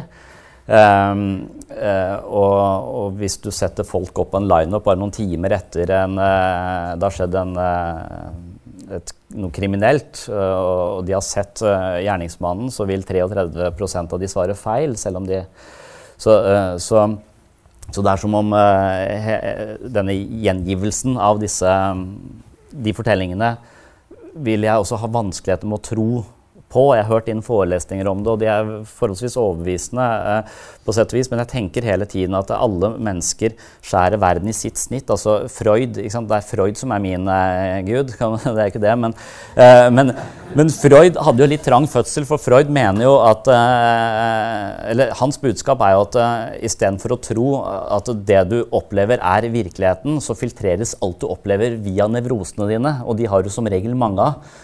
Fordi eh, mora di var på Facebook når hun amma. Eh, så, så det, er noen, det, er noe der du har noen konflikter, du har noen eh, nevroser. Så på sett og vis så vil vi aldri vi, alltid, vi, er jo alltid fastlåst i vårt perspektiv. Og det perspektivet vil da, hvis man tenker på hjernen som 95 ubevisst og, og 5% bevisst, så kan det snike seg inn så enormt mange feil da, i gjengivelsen av noe. Og kanskje også en del håp om at det, det må være sånn, det kan være sånn. Han har stått opp og sagt jeg kan jo forstå at den historien vil fungere veldig bra hvis dette har uh, faktisk skjedd. Men jeg kan, også finne, jeg kan også mistenke at det er veldig mange motiver for å nettopp fortelle den historien på den måten. Uh, så, så den jeg, Der får jeg jo igjen litt uh, jeg, jeg, jeg, får jo problemer sånn, sånn, Vi kan kanskje det først, da, men, men, men jomfrufødsel, stå opp fra de døde og alt, alt, dette her blir jo veldig sånn konkrete eh, ting. Og på, på, sett og vis litt banalt. Eh, eh, eller sånn, det er, litt, det er litt for godt til, til, å være sant, tenker jeg. Og, og jeg tenker, min, Hvis jeg skulle vært religiøs, så måtte det vært litt sånn at alle religionen hade lite rätt, att det finnes et eller annet her bak. En eller annen bevissthet, en eller annen ånd. Kall det hva du vil. Bevisstheten kaller det, eller Vitenskap kaller det bevissthet. Noen vil kalle det sjel, noen vil kalle det ånd. Og at det, at det er en slags grunntone, en slags evighetsfilosofi i bånn her. Noe som alle er, er, enige om. Men alt det der vi forteller på toppen her, er mer fortellinger for mennesker. Eh, på forskjellige nivåer for å formidle et eller annet mer eller mindre metaforisk. Og den posisjonen er ikke du så begeistra for, har jeg eh, har jeg forstått. Eh, for det, det vanner jo ut hele, hele teologien på, på sett og vis. Eller eh, Ja, det kan inte för att det vattnar ur, ur teologin för, utan, utan, mer för att det, det tankemässigt logiskt inte, inte hänger ihop. Alltså jag har inga problem med att se att eh, områden där det finns likheter, där religioner säger samma sak, eh, eller vi människor kan komma fram till samma saker. Men Eh, i, I de avgörande frågorna så motsäger världens religioner varandra på ett så fundamentalt sätt att alla kan inte vara sanna. Alltså Gud kan inte både vara opersonlig eller personlig. Eh, Jesus kan inte både vara en misslyckad profet som judendomen säger, en viktig profet men bara en människa som islam säger och Guds son fullt ut både Gud och människa som kristendomen säger. Mm, alltså möjligen kan alla tre eh, påståendena vara falska men alla tre kan inte vara sanna. Eh, och, och eh, därför så blir man tvungen, tycker jag, åtminstone om man liksom resonerar rationellt, att man måste avvisa ett antal religioner, möjligt, möjligtvis avvisa allihopa. Men det här att liksom bara bejaka religiositeten, eh, det, det fungerar inte. Så man, man kan ju bejaka sånt som att de flesta av världens religioner säger ja till någonting transcendent. Okay? Det verkar finnas något. De flesta religioner eh, ringar in att människan har ett problem. Okej, okay? här är vi överens. Men när man sen beskriver vad är det transcendenta, vad är människans problem och vad är lösningen på det problemet? Så kommer det upp eh, perspektiv som är oförenliga. Och, och där, där, man liksom måste börja välja och förhålla sig. Och där jag då tycker att det, den, den kristna tron är, är det som är övertygande. Jag håller helt med dig om, jag är, jag är inte så förtjust i Freud själv, det, det, kan väl komma med en bekännelse att jag är ingen fan av Sigmund. Men... Eh, eh och, eh, jag, jag förstår ju det här att vi när det gäller eh, vitt, vittnesmål och återberättande av historia och minnesfunktioner så finns det ju självklart en osäkerhet. Eh, och, man ska inte, inte minimera den. Men det är ju absolut inget unikt för evangelierna. Det, allt det du sa gäller ju då all historieskrivning. Ja. Så att säga. Och, och då brukar vi vanligtvis säga att okej, okay, här finns osäkerhetsfaktorer men det innebär ju inte att vi inte alls kan förhålla oss till vad har hänt i historien. Eh, så, eh, utan då får man ju försöka jobba historiskt och se vad har vi goda grunder för att liksom, eh, kunna bejaka och vad är mer shaky här och osäkert. Och, ehm, eh, och så. så man, eh, det är lite balansgång här att självklart kan, finns det ingen objektiv historieskrivning i något absolut mening. Men det är inte heller så att allting bara är helt shaky och, och relativistiskt och, och så. Eh, eh, du kommer ju berätta en massa saker för, för dina barn efterhand om ditt liv och, och, och så. Jag utgår från att, att du kommer eh, liksom att eh, faktiskt tänka att det du berättar är i, i, stora delar ganska sant. Även om det finns många fler dimensioner att lägga till den berättelsen om hur ditt liv har varit. Men när du berättar om din barndom för dina barn till exempel. Eh, då, då applicerar man inte det här liksom, allt är subjektivt. Utan då menar man sig ändå kunna komma åt någonting genom sin minnesfunktion. Så, så därför har jag lite större förtroende. Jag, jag behöver, menar inte att man behöver köpa allt evangelierna säger eller acceptera det rakt av. Eh, absolut inte. Men man kan inte heller bara sätta det åt sidan och säga det är för osäkert, eh, tycker jag. Mm. Ja. Nå, nå, er det det der med å, eh, nå har jeg gått såpass mye i egenterapi at jeg har fortalt historien om mitt liv mange ganger. Eh, også, og, og, men det jeg legger merke til, er jo at den forandrer seg. Eh, så historien om mitt liv nettopp derfor så, så, er det vanskelig for eh, for en psykolog å tenke at det finnes noen absolutte sannheter og sånne ting. For det, det, det er eh, Men alt förändras inte i berättelsen? Nei, ikke alt. Men, eh, men, men det, det, kan man Du har fortfarande samma föräldrar? Ja, ja. Eh, så kan man være litt usikker på det òg innimellom. Og så, eh, okay. Nei, men, men, men, det er det som på en måte er psykoterapi, er jo egentlig øh, en, en, variant av psykoterapi er jo på en måte gi livet en slags sammenhengende forståelse av hvem er jeg, og hvordan ble jeg den jeg var, øh, er nå, og kan jeg leve godt med den fortellingen? Og hvis ikke kan det, så forteller vi den en gang til. Øh, og så legger vi inn noen, noen andre elementer, noen nye forståelser, noen nye perspektiver, noen nye tolkninger som gjør at vi kan ha en plattform vi kan leve godt videre på. Det er jo en et, et ståsted. Men, men, tilbake til det der som, som jeg ville ønske, da. Jeg, jeg, eh, eh, at eh, jeg, har, jeg er kanskje litt naiv, for at når jeg leser en bok, så tenker jeg at det hørtes ganske riktig ut. Eh, og når jeg leser en ny bok, så syns jeg at det også hørtes ganske eh, riktig ut. Så, så, på sett og vis så tenker jeg at eh, som regel så er det noe ved det folk eh, skriver og snakker om. så jeg ville være tilbøyelig til å til å, til å, på en måte tenke at det finnes en eller annen metafysisk dimensjon. Men jeg er agnostiker, for jeg vet ikke om vi kan skal forklare den uh, naturalistisk, eller om vi skal forklare den på en personlig gud, eller bare en slags Som, uh, som om uh, bevissthet er en slags metafysisk størrelse som vi bare ikke har oppdaget ennå, som materialiserer seg i, seg i oss. men men i og med den store usikkerheten, så, så vil jeg tenke at la oss si Jeg ville kunne vært på en måte det er veldig mange da som sier at vi er, uh, eh, vi er, er spirituelle, men ikke religiøse. Litt sånn New Age-aktig. Og de vil jo plukke litt fra alle, uh, fra alle tingene her. Jeg, jeg syns det kanskje er litt uheldig.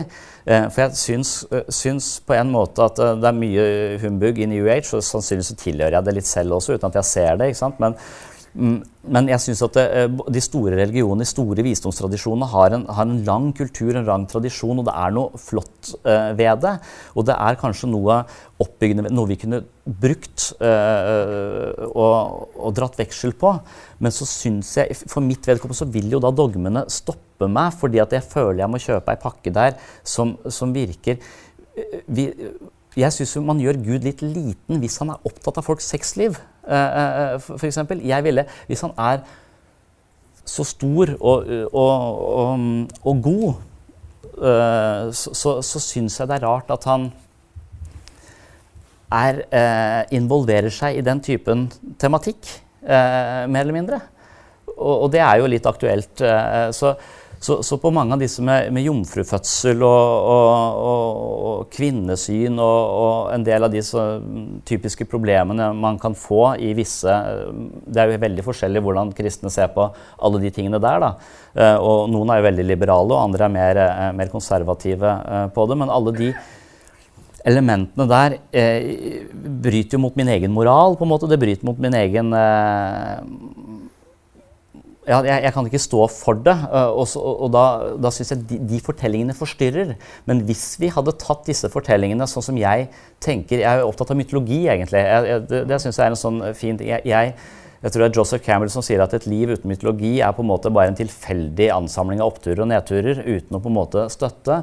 Så at, øh, mens en fugl fødes og har alt den trenger for å overleve innkoda i DNA-et, så har vi fortellingene våre. Vi har fortellinger om levd liv, og disse fortellingene fungerer som, som på en måte eh, veiledere eh, eh, i livet. Vi, vi, står på skuldrene av andre, vi har en slags historie, vi er del av en kultur, og vi på en måte forstår oss selv i vi er alle litt Odyssevs da, på en eller annen måte. Vi, vi møter eh, ikke Karibdis og Skulla nødvendigvis, vi møter ikke sjuhoda troll, men vi møter jo Eh, en misfornøyd eh, nabo innimellom, og det kan jo ligne litt. Eh, så, så, livet vårt er full av disse, disse, disse tingene. Og, kan man, hvis man ser historiene, forteller oss noe om Det er en slags veiledning, en slags støttespiller i livet.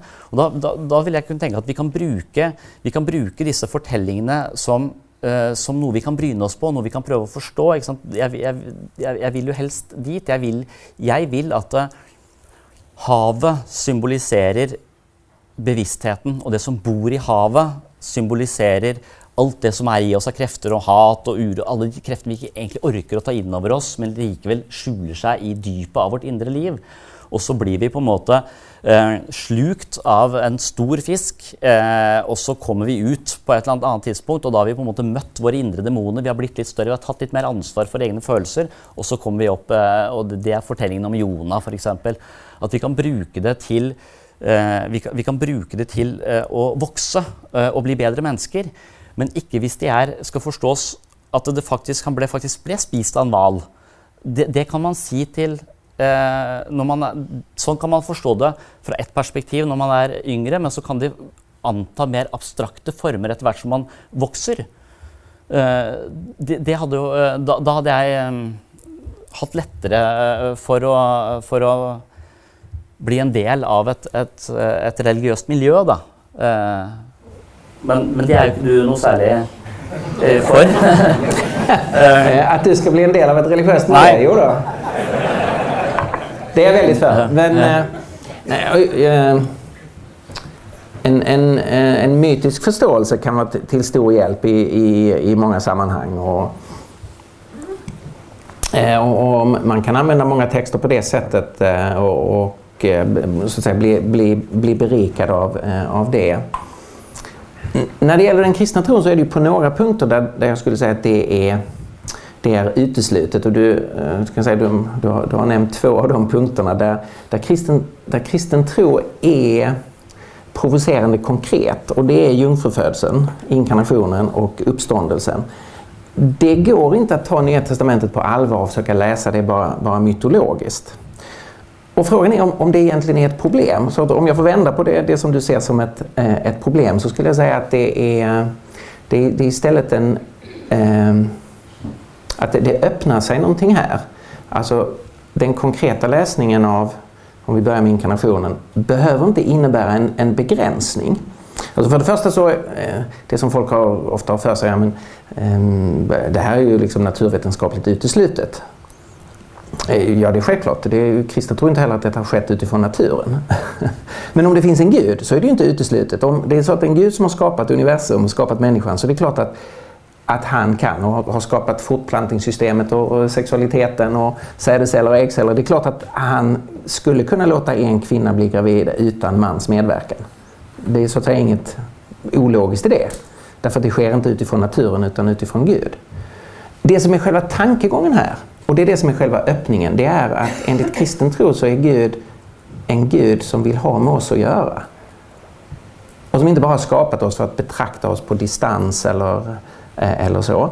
Utan en Gud som eh, träder in i vår värld, blir som en av oss för att knyta kontakt. Det är egentligen ett relationellt, en relationell tankegång. Att Gud kommer hit och blir en av oss. Och enligt kristen tro så har Gud förbundit sig själv med en mänsklig natur för att aldrig mer separera sig från det. Därför att Gud vill vara med oss. Ja, det är en väldigt spännande tankegång. Eh, det höjer ju det mänskliga. Att, att vara människa, det är att vara någonting som Gud både har skapat och som Gud själv har förbundit sig med. Jag skulle säga att det här ligger bakom den väldigt höga människosyn som finns i kristen tro. Att vi är skapade till Guds avbild och Gud själv har valt att, att bli människa. Och den andra punkten det är, är uppståndelsen.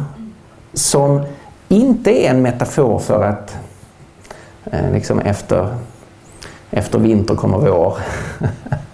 att livet går upp och ner, efter mörker kommer ljus. Utan faktiskt presenteras som en, en faktisk händelse.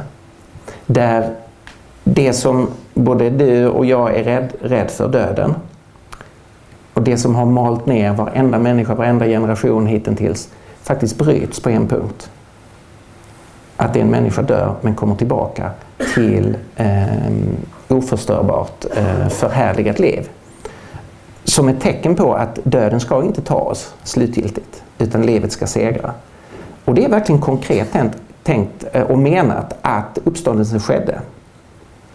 Du, du nämnde här i samband med, eh, inte lite tidigare här, att ja, men, i, i, terapi så går man igenom och, och berättar sitt liv igen och igen och, och förändrar och, eh, och, och, så. Det är väldigt intressant om man, om man läser evangelierna så kan man se att de är, de är ganska tydligt redigerade texter. De är väl genomtänkta, väl strukturerade, de har bearbetat materialet. Men inte de sista kapitlen om uppståndelsen. Eh, man kan med ganska stor säkerhet säga att det är traditioner om händelser eh, som hände efter, upp, eh, efter avrättningen som är frusna i ett mycket tidigt skede av följande skäl. Det finns ingen som helst bearbetning av hur detta stämmer med Gamla Testamentet. Övriga evangelierna så finns det liksom en, en, kommentar, en redaktör som säger att detta skedde, det, så uppfylldes löftet hos den och den profeten. Det finns ingen sån bearbetning vad uppståndelsen betyder. Så det är en tradition som man har frusit i ett mycket tidigt läge. Så det är en mycket gammal tradition. man har inte hållit, inte hållit på att bearbeta sin terapi så att säga. Eh, för det andra så är det glasklart att det är kvinnorna som hittar graven tom. Vilket kulturellt sett är väldigt svagt vittnesmål. När man senare ger, tänkt, eh, liksom ska presentera sitt starkaste case, då hoppar man över kvinnorna. I första Korinthierbrevet 15 så är det Petrus och Jakob och alla apostlarna Därför att det har bättre kulturell cred. Men i evangelierna är det kvinnorna som upptäcker att graven är tom, kroppen är borta och som möter Jesus först. Ja, det är ett tecken på att det verkligen hände. Därför det är inte redigerat. Man skulle aldrig hitta på berättelsen på det sättet. Man skulle inte redigera om den på det sättet. Ehm, så just när det gäller uppståndelsetexterna så är vi i ett intressant läge att det inte är ett resultat av terapeutisk bearbetning. Ehm, ja, det finns mer, mer, mer att säga om det. Men min egentliga poäng här är att, att inkarnationen, uppståndelsen, där är kristendomen provocerande konkret. Och det är verkligen konkret tänkt. Det finns förstås liberalteologer som tolkar om det, men om du tar från apostlarna och genom hela kyrkans historia så har ju alla de stora kyrkotraditionerna varit helt en, ense här. Att eh, kristen tro finns inte om du tar bort inkarnationen och uppståndelsen som verkliga historiska händelser. Ja. Eh, mm. Men um, Men når det kommer til disse andre spørsmål som homofili og, og, og, sånne ting som også er litt sånn irriterende, på en måte uh, det, det, forstyrrer um, det åndelige, sånn, for mitt vedkommende. Altså og, så, så, så, så tenker jeg det, det, det, sånn jeg forstår islam, f.eks., så, så, så er islam et mye mer sånn Det er en gjengivelse av Guds ord. Uh, det er ikke eh, Eh, gjenfortalt, sånn som evangeliene osv. Så, videre. så Så i kristendommen så har man et større fortolkningsrom. Det er mer eh, rom for, eh, for, for, fortolkning. Noe som også kanskje gir mer rom for tilpasning og inkludering og um, og, ja, og at man, at man, tilpasser seg en, eh, en, slags eh, utviklingsprosess her også. Dermed så, så, vil man kanskje si at den passer bedre inn i vår tid. Det er vanskeligere å tilpasse eh, noe som står der svart på hvitt, og det står veldig tydelig, og det er Guds, eh, Guds ord. Mens kristendommen har mulighet til å fortolke dette og, og, og tilpasse det litt eh, sånn henad veien. Det har, jo, det har, jo, skjedd reformasjoner, og det har jo skjedd eh, forandringer. Så den er tilpasningsdyktig. Og, og at, at, man, jeg skulle ønske man kunne spille mer på det. Altså gi, gi det mm, eh, vil, du sier at det, Enten så fins Gud, eller så fins ikke Gud. Jeg vil tenke at det, Gud fins vel på så innmari mange forskjellige måter, avhengig av hvilken posisjon du ser det fra. Altså Når du er syv år, så er han vel en hvit mann med skjegg. Og da skal han få lov til å være en hvit mann eh, med skjegg. Men etter hvert som du, du utvikler deg, så, så, vil du kanskje få eh, helt langsomt mer abstrakte og mer eh, sofistikerte syn på denne åndeligheten, denne, denne guddommeligheten. Eh, og at, dermed, at, det burde være det rommet for, eh, for, vekst, rommet for en slags eh, bevegelse, en åndelig bevegelse. Uh, og det er vel der jeg kunne uh, på en måte heie litt mer på de østlige tradisjonene. For jeg syns det gir litt mer rom for vekst. Da, og det ligner jo litt mitt eget fag også, uh, på sett og vis. Men så, men så syns jeg man da setter seg fast på et litt sånn barnslig nivå når det gjelder en del av disse fortellingene som man skal forstå så bokstavelig. Eh, som om det stagnerer og, og, og forstyrrer, så, så, man kan tenke litt eh, At det her eh, eh, ja, det forstyrrer hele, hele prosjektet istedenfor at det er et prosjekt om å Jeg tenker at det, mitt prosjekt må være å dempe egoet mitt litt, sånn at jeg er i balanse. For hvis jeg er i balanse, eh, så har jeg mer å gi. Altså at eh, Helt opp til jeg er i balanse, så trenger jeg andres beundring eller bekreftelse eller et eller annet fra andre. Idet jeg er i egobalanse, så vil behovene mine forandre seg fra å bli egosentriske til verdenssentriske. Jeg blir opptatt av andre har det bra. Og det er jo kjærligheten og, og, og, og sånne ting. Og det syns jeg er sånn edelt mål. Da, det er en fantastisk mål. Det er et mål som pappa for meg. Eh, jeg, altså, jeg har blitt opptatt av å meditere og, og, på en måte bli et bedre eh, person. Og den, den veksten der, den kultiveringa av, eh, av mennesket, den finner jeg absolutt i kristendom. For jeg, jeg synes det er helt fascinerende hvor mye godt de gjør for andre. Og at de har et slags prosjekt om å gi og tenke på andre enn seg selv. Så jeg syns den, eh, den, kultiveres på, på en forholdsvis eh, god måte. Men så syns jeg også den åndelige praksisen er bare litt preg av å fortelle hva som skjedde, og hvorfor det skjedde, og, og når det skjedde, og hvem som var involvert, og hvem som sto opp, og, og, og hvem som døde. At det blir litt uh, det blir forstyrrende. Men sånn som Jonah, da. Ble han spist av en hval eller en stor fisk, eller er det, er det en metafor? Uh, hva, hva, uh, for deler av Bibelen forstår man vel metaforisk som viktige fortellinger om levd liv eh, og muligheter for mennesker. Eh, mens andre ting forstår man jo helt, helt, konkret. Er det ikke det riktig å, å si, eller? Eh, eh, uh, her, det, her, her, var det mye på, på en og samme gang.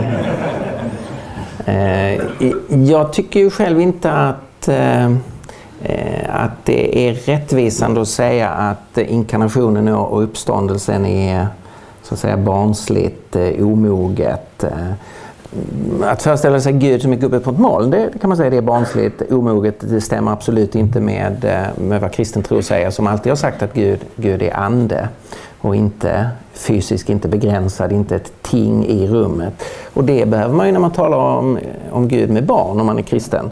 Eh, så behöver man ju tydliggöra det att vi, eh, vi tror ju inte, eller kristen tro hävdar inte att Gud är en, en gubbe på ett moln. Även om det är lätt för oss människor att försöka föreställa oss det, det ligger nära till hands, men det är faktiskt en barnslig föreställning. Eh, och kristna har aldrig haft den. Jag kan inte heller tycka att det är barnsligt tankegången att Gud skulle komma till oss. Eller att eh, tanken på uppståndelse, att, att livet bryter igenom på en punkt att det, Eh, att det skulle vara så att säga någon sorts eh, lite mer omogen religiositet. Inte om man, inte om man liksom tänker på om, om, om man eh, om, man utgår från att det här skulle vara sant så, så är det fantastiska händelser. Det är inte bara nu ska vi berätta en religiös story. Mm. Utan det är ju händelser som har en enorm, om de är sanna så har de en enorm signifikans. Mm. Eh, och det är, det är den signifikansen man behöver komma, komma åt, vad det här betyder. Ehm. Man kan eh, eh, man kan fundera med, på med vilka frågor jag ska komma till Gud. Om man, man söker Gud. Eh, och det, det, är klart att det finns många mm, etiska frågor, sexualetiska frågor, det finns medicinsk-etiska frågor, det finns massa politiska frågor. Och vi har våra hjärtan åt lite olika håll här, vad vi tycker är viktigt och rätt och, och sådär. Och då träffar jag en del, en del personer som det är oerhört viktigt att Gud måste vara på min sida i den här etiska frågeställningen. Annars så får det vara så. Eh, och då tänker jag så här att, ja, men är inte det här någon sorts fel prioritet? Så skulle jag säga, nej men lägg alla de där frågeställningarna åt sidan, det är väl en senare fråga. Eh, det är lite fånigt om jag ska ställa krav på Gud vad han ska tycka i en, en viss etisk fråga. Alltså om Gud finns så har han ju hela tillvarons upphov. Eh, och jag kan inte ställa ett krav på vad han ska tycka. Så första, första steget måste på något sätt bli att eh, så öppet man nu kan försöka fundera på, finns Gud? Om han finns så är det per definition så att han, han sätter villkoren. Annars har man inte förstått så att säga vem Gud är. Gud är inte, så att säga, om jag ska gå med i en klubb eller en förening, då väljer jag en klubb och förening som stämmer med vad just jag tycker i tusen olika frågor. Och Tycker de inte som jag så får det vara så, då väljer jag en annan. Men om Gud finns, då är han den yttersta punkten för allting. Det är han som är upphovet till allting, det är han som har gett mig mitt liv. Det finns ingen annan Gud att gå till. Det finns inga alternativ så att säga. Eh, och, och, och, lite detta att, eh, alltså att förhålla sig till Gud. Om han finns så är han Gud. Och då måste jag först försöka komma fram till, tror jag att han finns? Sen om jag då kommer fram till att han finns så börjar jag eh, fundera på, okej okay, i ljuset av att han finns så ska jag då tänka sexualetiska frågor, medicinsk-etiska frågor. Vad ska jag tänka om det och det och det? Men det är ju en senare fråga. Jag kan inte lägga in det tycker jag i, i, i potten från början. Nej, det jag enig Men vi kommer ju till spörsmålen efter hvert. Ja, det ja, Det är visst. Absolut. Ja, Og, og, og, den, den, den, men den, Baylor-studien forteller vel om en fire, typisk fire varianter av Gud. Du har en nær Gud, og så har du en fjern Gud som bare har starta det hele og tråkket seg tilbake. og uh, Vet ikke hva han holder på med, uh, nesten sagt. Men uh, og så har du en men så kan du også ha en ganske aggressiv og litt dømmende eh, gud. Og så kan du ha en, eh, en god og kjærlig eh, gud. Og de menneskene jeg møter i min hverdag som har forhold til religion har jo litt forskjellige varianter av uh, disse. Jeg kan jo møte mennesker den ene dagen som, som, på en måte har blitt religiøse og tenker at nå er det en som ser meg, jeg er sett, uh, jeg er elsket, jeg er verdifull, og det fant jeg i Gud, og, og jeg trenger ikke deg mer. Uh, så, så, eh, så, er de ferdig i terapi. Det er helt, helt, fantastisk. Men så kan du ha neste time kan du ha en ha mer en, en, annen person som har en mye døm, mer dømmende gud, ikke sant? som som ser de hele tiden og, og, vet hva de tenker, og de prøver å ikke tenke på det. Og det er vanskelig å ikke tenke på det du eh, ikke skal tenke på. Eh, eh nesten sånn, altså det, det, er, det, blir strenge rammer, det blir, eh, og, og, de, Eh, de blir på en måte fanget i et slags sånn eh, religiøst fengsel som kanskje bare er i de selv. De kan til og med gå i nesten samme menighet. Da. Eh, så, så så disse senere spørsmålene vil jo bli på et eller annet måte eh, aktuelle, og de er jo aktuelle for meg. fordi at de, Eh, jeg kan ikke forstå at en, en, en, så stor kjærlighet skal kunne eh, bry seg om så trivielle ting. Eh, Jeg vet ikke hvor mange prosent av befolkningen som er homofile, om det er tror på 10 altså, og, og, Der ligger det en slags fordømmelse i det. Men hvis vi grunnleggende sett er denne bevisstheten, hvis vi alle er like, hvis vi alle er like mye verdt, så er alt dette staffasjen på toppen her. Hva vi prøver og ikke prøver. Så lenge vi prøver å være gode mennesker, så lenge vi prøver å å være Ja, så, så, så, vil de andre spørsmålene forstyrre uh, hele prosjektet, og kanskje da også skremme folk vekk fra, eh, fra, kirken og da ut i New Age isteden. Altså ut i et eller annet sånn helt tilfeldig virvar av eh, spåkoner og, og og alt mulig, mulig rart, istedenfor å bygge på en tradisjon som, som, man kan få lov til å vokse i og bli så abstrakt som, som man ønsker. Eh, og, og, at eh, en, en, god prest snakker til deg på det nivået du er på. Om du da trenger en mann med hvitt sjekk, så er det en variant. Det finnes. Eh, men det finnes også Eh, en helt annen, eh, annen variant. altså et system for bevegelse, men innenfor tradisjonen, innenfor den samme kristne eh, tradisjonen. Og det fins sikkert, men, men, men, her på Sørlandet så debatteres jo uh, homofili, og det er jo akkurat uh, veldig aktuelt nå når uh, likekjønna kan gifte seg osv. Uh, mm. Så, så jeg syns det, det, det, gjør Gud litt liten at han bryr seg om det. Hva, eller nei, gjør det ikke det? um, Eh, om, eh, om jag börjar med, med, med, religiösa miljöer så finns det ju också kristna miljöer så kan de ju vara, vara väldigt olika. Eh, förstås att skapa Eh, och eh, skapa olika inre liv hos människor. Det beror ju dels på hur vi själva ser ut och på insidan och vad, vad vi gör av det men det beror också på vad, vad miljön kommunicerar till oss. Eh, och det, det, finns ju alldeles för många som har funnits i en kristen miljö och som, eh, som har känt sig hämmade eller fördömda eller man blir skuldtyngd. Och det står i någon sorts kontrast till kristendomens ursprungliga väsen som ju, där, där man valde ordet evangelium som betyder goda nyheter. Eh, glädjebud. Eh, så det är ju liksom de, både Jesus själv och de första kristna, essensen av vad de trodde uppfattade man ju som ett befrielsebudskap, eh, goda nyheter som lyfte människor, som handlade om förlåtelse, om hopp och mening. Och, och människor som var förtryckta eh, strömmade ju till den kristna kyrkan, kvinnor och, och slavar, de sjuka, de svaga, fattiga. Det, det, var ju den stora tillväxten. Därför att kristendomen var verkligen eh, goda nyheter.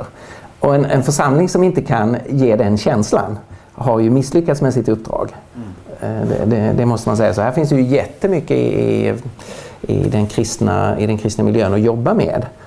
Att det man gör och står för är goda nyheter. Eh, sen är frågan om, eh, när det gäller sexualitet så kan man säga, varför ska Gud bry sig om det? Det är för trivialt. Jag skulle väl säga att det är lite konstigt att säga att sexualitet är, trivialt. Själva tycker vi det är otroligt viktigt. Eller hur? Och, och, bakom din fråga ligger ju en reaktion på att människor har fel uppfattning om sexualitet. Det här är allvarligt. De borde inte ha fel uppfattning om sexualitet. Så du signalerar ju själv att det inte är en trivial fråga för dig eller för eh, andra, andra människor. Jag tycker absolut inte det är en trivial fråga. Men jeg syns ikke man skal mene noe bestemt om det. Jeg syns vel at folk skal få velge det eh, selv og føle seg frie til å velge det selv. Men så ligger det noen føringer på hvordan det skal og ikke skal være, eh, som, mm. som virker litt Och det är väl egentligen frågan igen, kan, eh, kan någon människa komma undan det att, eh, att när det gäller sexualitet så blir man nödgad och någonstans dra en, en gräns, en linje och säga ja, men det här är sunt och gott och positivt. Eh, liksom, kör på. Och här är ett område utanför som nej, det är kanske inte det bästa sättet att leva ut sin sexualitet på. Det måste väl alla göra så att säga. Det, det, är nästan oundvikligt att man gör någon sorts gränsdragning. Det är bara det att vi drar gränserna eh, olika där. Och då har ju de sista eh, 30-40 åren så har ju den stora frågan varit Eh, frågan kring eh, samkönade sexuella relationer. Eh, att eh, vi har flyttat på den gränsen. Så att säga. Först i samhället och sen eh, har eh, eh, en hel del kyrkor flyttat på, på den gränsen. Men själva grejen att man har en gränsdragning det är oundvikligt. Så jag delar inte riktigt din föreställning att, att det här är trivialt, att om Gud skulle ha någon synpunkt. Och för mig så ligger det lite i, i förlängningen av tankegången att Gud finns, han har skapat världen. Då är det inte konstigt om han har en tanke med världen. Och, och sen får man fundera på hur, hur detaljerad är den tanken. Men det är lite upp till Gud. Eh, jag kan inte utesluta det från början att han skulle kunna ha en tankegång för vad har jag avsett med det faktum att jag har skapat män, kvinnor, att de är sexuella varelser, att de fortplantar sig? Ja. Jag måste vara öppen för det i alla ja. fall. Jeg er helt, helt, enig med Jeg tenker at vi er kapable til å dra de grensene selv i kraft av lovverket vårt, i kraft av eh, på en måte moralske føringer som vi, vi, vi blir enige om i, i en samfunn. Det tror jeg også er veldig langt. Eh, så, så, jeg syns det er litt eh, så da, da, igjen så syns jeg kanskje teksten er litt for gamle til å, til å gå ut ifra de for hvor man trekker opp disse, disse linjene at vi skulle være modne nok til å, å, trekke opp disse linjene selv nå. Og så kan man jo mistenke at det kanskje gå ut og bli mange er, er en god idé hvis du ikke er så mange som tror på dette og, og, og trenger flere. Men nå er det jo mer enn nok, er vi ikke det, da? Eller, eh, vi, vi trenger jo ikke å bli så mange flere, nesten sagt. Så, men, man kan si at det finnes ett bud som vi mennesker har. Og, og eh, det finnes bare ett, oj, bare ett bud vi mennesker har holdt, og det er jo eh, eh, Uppfyll jorden. Ja, ja. Alla andra av Guds bud har vi, har vi vel mislykkes med. Ja.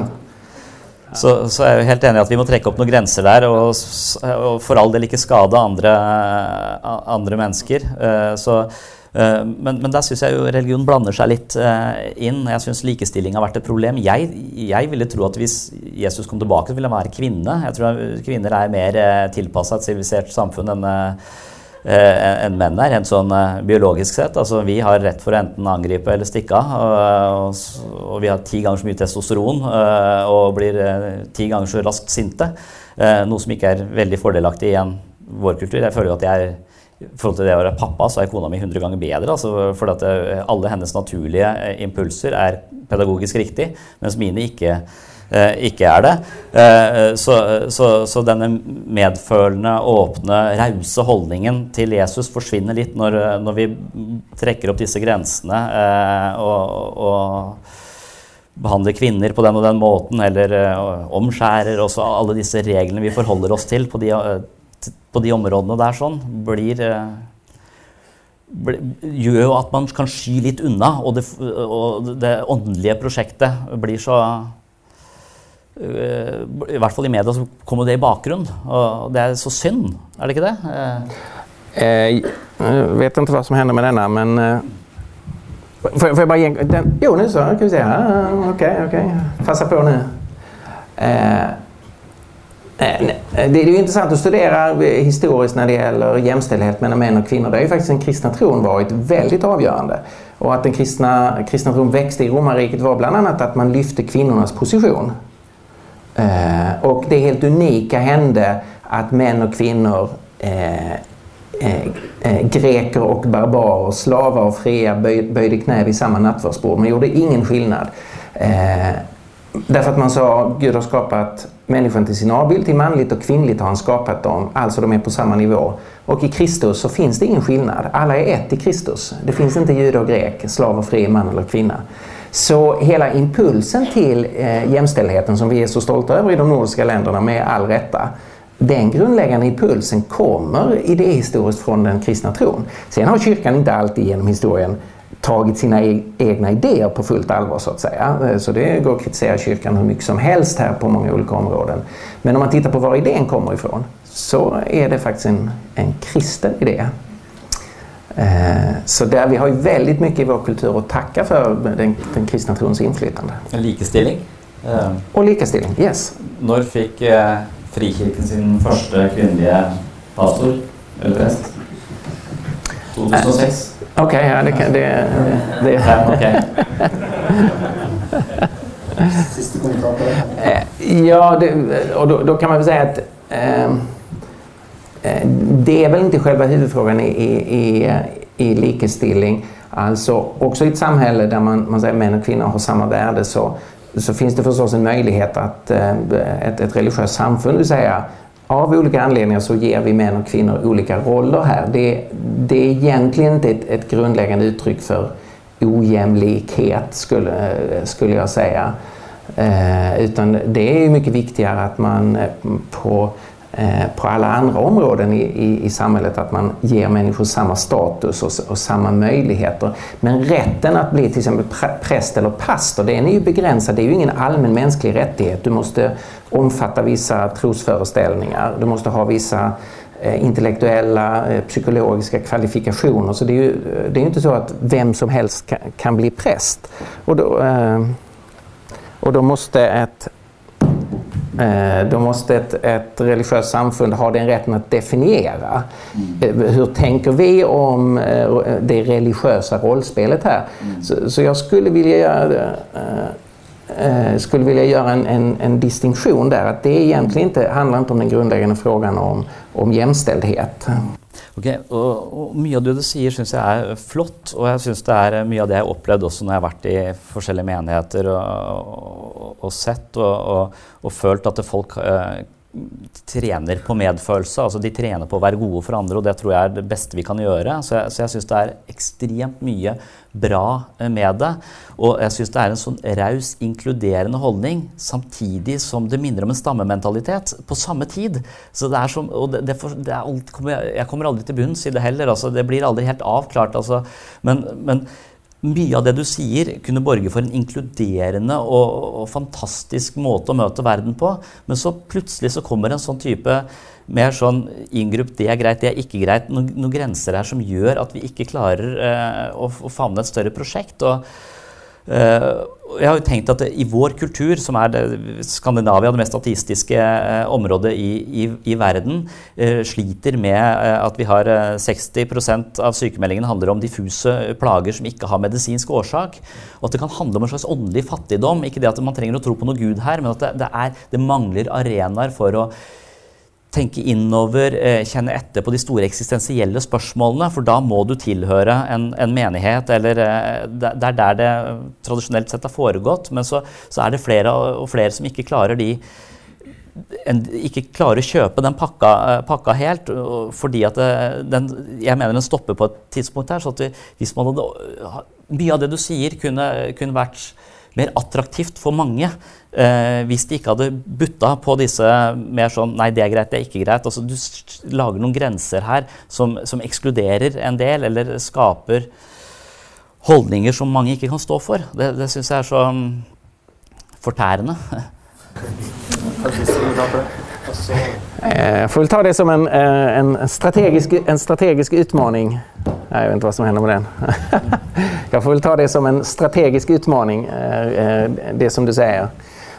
Och, och, samtidigt så kommer det med nödvändighet. Alltså den kristna tron har sanningsanspråk och är inte bara en, en allmän liksom, världsförbättrarförening som kan hjälpa människor att må bättre. Utan här, här, finns, här finns sanningsanspråk som kommer att göra att vissa människor säger nej men jag, jag köper inte det, jag vill inte det, jag, jag, tror inte eh, på det. Och den kristna församlingen kommer att säga detta är vår övertygelse, detta är vår tro, detta identifierar oss.